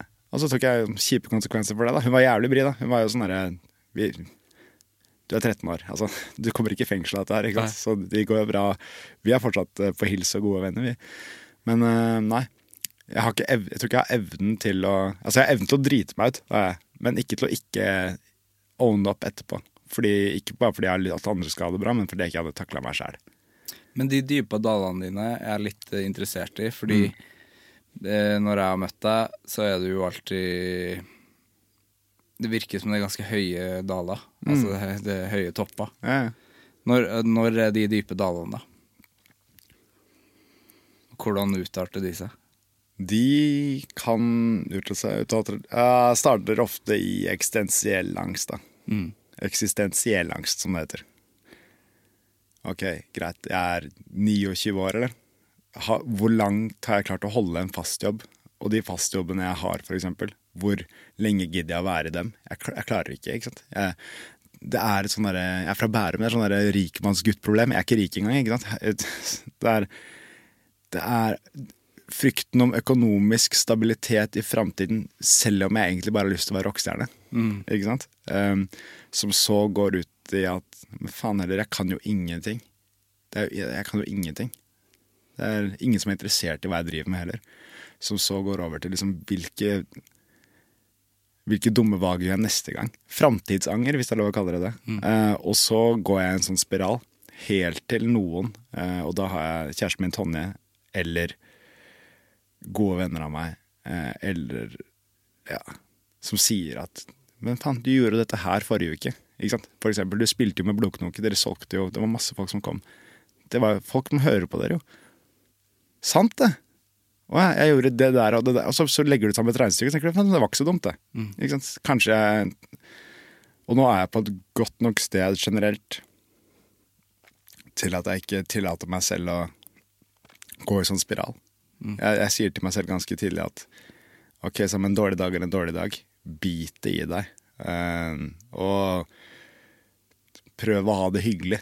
Og hvis du ikke klarer å ha det hyggelig, så bare num deg selv med noe dum TV eller noe sånt, helt til det fysisk går over. Og før gikk det ikke over, ikke sant? Før så var det liksom sånn to års lang periode sist gang, da, hvor det var liksom grått hele tida. Og du, du har sikkert opplevd det også, at du, når du kommer ut av det, og du føler at du ikke er trist lenger, men du bare er nummen, så skulle du heller vært trist, ikke sant? Ja, absolutt. Og det tror jeg er det med det å være en sånn dyp dal høye fjell-person, at du, du må være på en av sidene. Og når du sier at du har møtt meg mest på, på høydepunkter, så ja, jeg tror generelt nå Jeg tenkte både for ikke så lenge siden Shit, jeg håper ikke jeg treffer en sånn dal igjen hvor jeg kommer til å synke dypere og dypere og dypere. og dypere og dypere. Jeg, jeg bare, jeg orker ikke. Eh, Jeg på en måte, hvis det er lov å si, da, det høres sikkert superteit ut for folk som er i en sånn dyp dal nå, men jeg på en måte bestemt meg for at jeg ikke skal gjøre det. Eh, Det har jo ikke noe å si, det. Kanskje, kanskje litt på hvordan jeg legger opp til altså, Jeg prøver ikke å drite meg ut ved å liksom Drikker jeg masse på en lørdag, da, så drikker jeg ikke masse på søndag også. Nei. Ikke sant? Det er en, som, som er en sånn kjapp ting man gjør hvis man Ja, er det mulig å bestemme seg for det? Å liksom bestemme seg for å unngå de dype dalene, liksom? Jeg vet i hvert fall hva som er triggerne mine, da. Og, og, eller noen av dem. Og jeg velger å ikke, ikke gi dem for mye plass. Eller jeg velger å ikke gå og trykke på den store røde knappen når jeg ikke trenger. Um, andre ganger så, så kan jeg være litt tempta med å liksom Eller frista til å pushe den litt lenger enn det jeg burde, fordi jeg har jo, eh, anger. Eh, jeg angrer ofte på at jeg ikke tok den ene pilsen med gutta da de hadde det hyggelig der ute. ikke sant? Men jeg, hvis jeg blir med, så angrer jeg på at jeg drakk ti til. ikke sant? Sånne ting. Eh, og jeg har vel lært i løpet av det siste, eller i løpet av 20-åra, som det heter, hva jeg tåler. Og hva jeg ikke skal gjøre igjen. Uh, så er det sikkert mye nytt jeg lærer meg som jeg, som jeg kommer til å gå på trynet med. ikke sant? Men, men jeg ser ikke tilbake og tenker at det der skulle jeg ikke gjort, det skulle jeg ikke gjort. Og, og hvis jeg skulle tenkt sånn Jeg tror faktisk jeg har gjort opp med alle folk jeg har krangla med, basically, og alt sånt. Uh, alle folk jeg føler at jeg har driti meg ut overfor. Og så har jeg respekt for at folk har forskjellige personlighetstyper. Mm. Jeg, jeg har fått beskjed om at, liksom, at jeg har vært dårlig på å se folk tidligere. Uh, at jeg er uh, Jeg vet ikke om jeg har vært for oppslukt i det jeg driver med, eller for dårlig på å lese mennesker og deres liksom, mer subtile tegn. Men det har jeg øvd på. Ikke sant?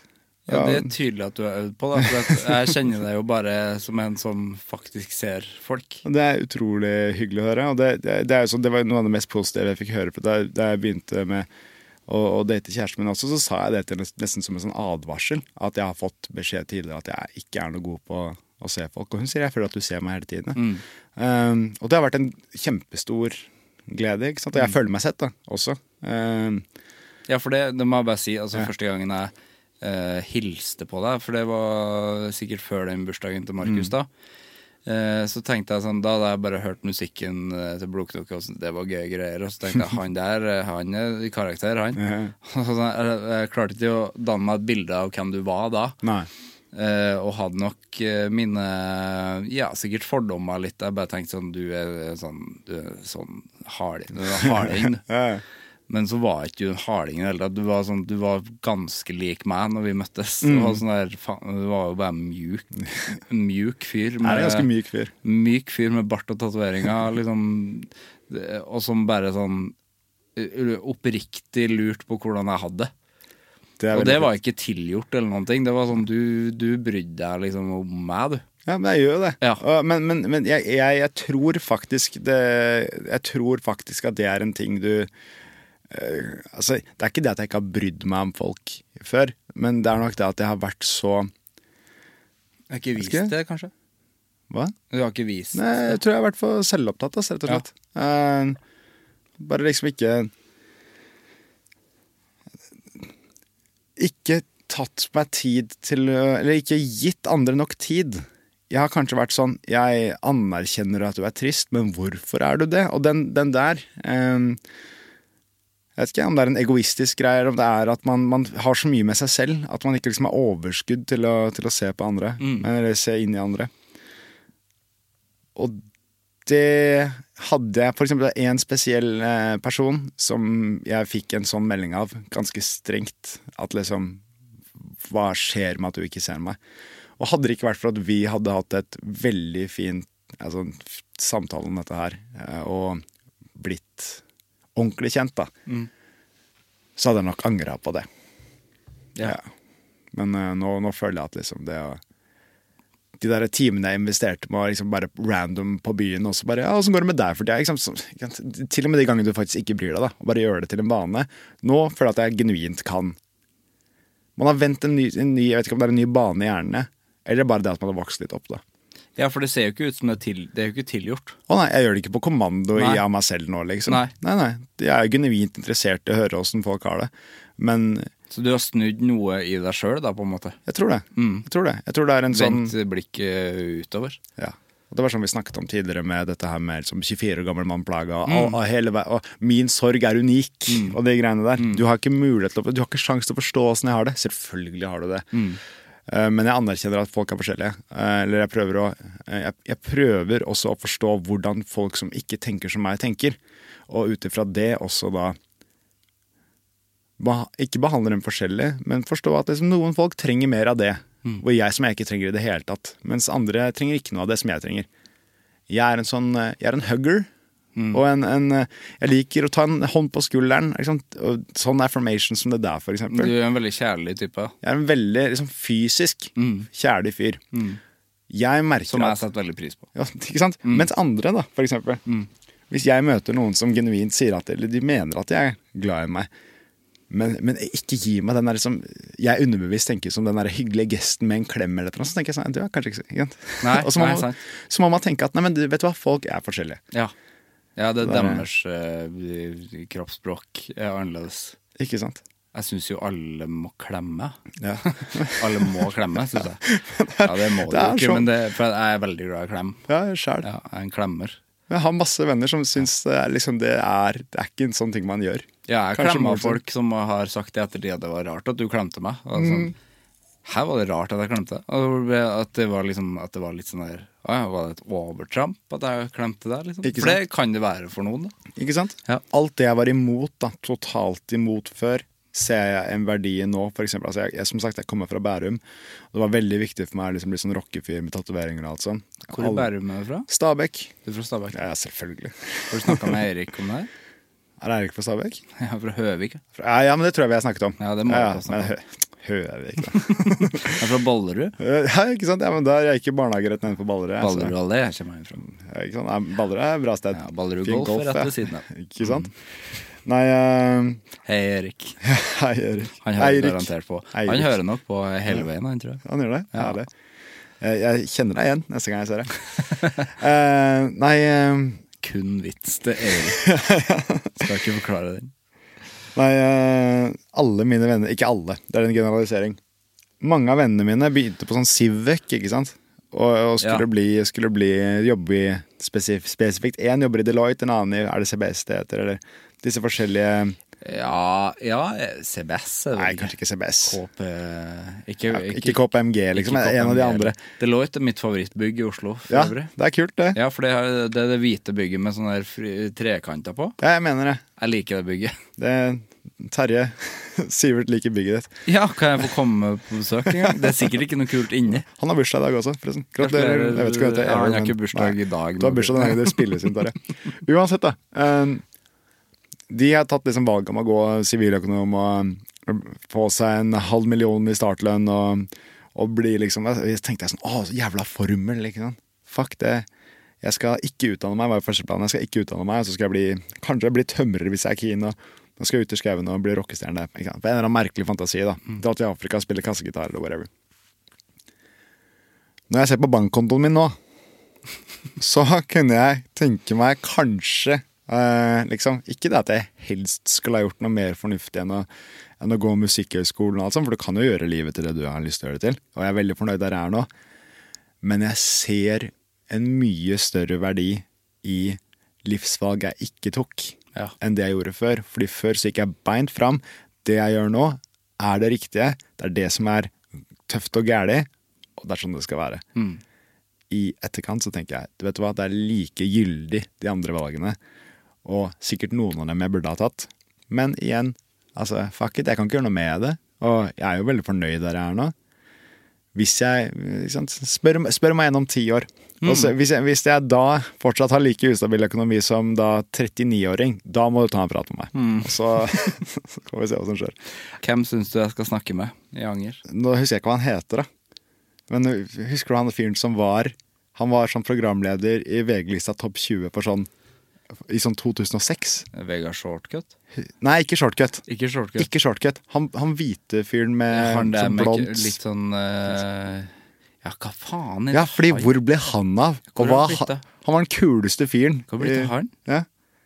Heter han Niklas, eller? Det høres helt riktig ut. Han vil jeg at du skal snakke med. Jeg tror jeg heter. Han vil jeg at du skal snakke med. Niklas fra VG-lista. Niklas fra Ja, VG-lista. hva han har tenkt deg på her om dagen òg. Ja. Hvor blitt det av han, ja? Han dukker opp i, han dukker opp i huet mitt iblant. Rent free. Tror du han liksom eh, Tror han jobber i TV fortsatt? At han er noe bakfyr? Nei, jeg har en eller annen sånn mistanke om at han bare har fått seg en jobb, ass. Fått seg en vanlig jobb, han? At han var liksom hot altså, nå, Han er sikkert fortsatt hot shit med det han driver med, men at han var sånn som vi så på hver kveld. Eller, Ja, for det var han som tok over for Shortcut. Det var det. Ja. Men shortcut det er godt. Altså, shortcut har jeg jo vært rundt omkring etterpå. Shortcut, ja. Ikke sant? Shortcut var dritings på jobb, han. det har han sagt det sjøl. Ja, var det. ja, ok. Men han Niklas, han skulle jeg gjerne Han heter Niklas òg. Han, han gjør jo det. Ja, han heter Niklas. Ja. Niklas flere, eller blir det bare han? Av en eller annen grunn så var det han jeg Absolutt ingen som har sagt det før, så det er kjempegøy. Han, han vil jeg høre om. Jo, han Storm fra Hotell Cæsar. Kim Daniel uh, Ja. heter han. Ja, Jeg husker ikke etternavnet hans heller. han også er sånn fyr som jeg bare lurer på, liksom. Hva gjør han nå, ja? Ja, fordi det eneste altså Jeg vet ikke om han angrer på dette her, men Storb sin rap battle Det, han får ikke lov å angre på det. Hvis han Nei, angrer på det det, er- så er det det beste som har skjedd. For det er rått. Det beste som har skjedd på. TV, det. Hvem er det han battler mot? Han hadde battle mot Er det bare mot en Det er bare en random Ja. Jeg så det klippet sist for to uker siden. Nei, det er bare mot en random Men så vinner han på en måte gunsten til hun dama i publikum. Jeg syns jo Ja, det Ja. stemmer, det. Og han der fyren, han, bodde, han er fra Stabekk, han, der, han ene som var med i Hotell Cæsar. Han som er rap-hosten. Han som er MC eh, Hva heter heter ja, det? MC-en, ja. Jeg Han husker er- ikke hva han heter. Nei, han, er, han, er, sånn der, litt, han er litt eldre nå, men han, han var lenge som Hotell Cæsar-veteran som bodde på Stabekk. Kjørte alltid rundt i sånn stor Sikkert Nei, ikke, Nei, det er ikke Svein. Kjørte rundt i stor bil, alltid med solbriller på. da Oh, ja. Veldig sånn big shot i Bærum. Jeg bodde jo rett ved siden av han fyren. Han derre Han derre Hva heter han, da? Han som var hovedperson. Blonde. Jens August? Jens August. Han Kim, bodde Kim Kolstad? Kim Kolstad handla på samme Kiwi som han i mange år. Jeg. Ja. Nå jobber han Jeg jobbet også i barnehage i Asker, og da var det han som var Han leverte grønnsaker. ja, han leverer noe grønnsaker og noe fisk, tror Ja, jeg. ikke sant? Dagen. Ja. Men han var jo også sånn Vi så han på TV hver dag, og så møtte vi ham på butikken, og så turte ingen å si hei. da Nei, Kim Kolstad er rå, han òg. Ja. Kim Daniel. Jeg lurer på om jeg heter Kim Daniel Steen, hvis jeg husker rett. Jeg kan jo veldig Kim Daniel Storm. Det burde han hete. Jeg kan veldig mye om Hotell Cæsar, så det er bare å spørre. Altså Niklas og Kim Daniel Steen. det er det, er Kjempebra. det jeg vil ha. Det er de beste forslagene jeg har fått noen gang. Tusen takk. Takk for praten. Takk for praten, Sivert.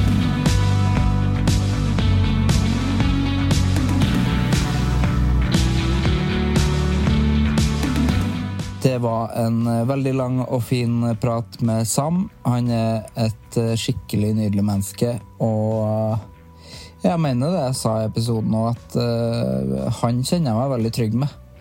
En trygg, eh, en trygg person. Og eh, det er jo veldig fint, den der connection vi har via Markus, som eh, jo spiller gitar i begge våre band. Som han jo har litt sånn Man har ikke eierskap til han, men er måte, man er litt sånn her Litt sånn happy. Litt sånn pappy til han begge to. Veldig hyggelig. Vi høres. Hei. Produsert av Klinge.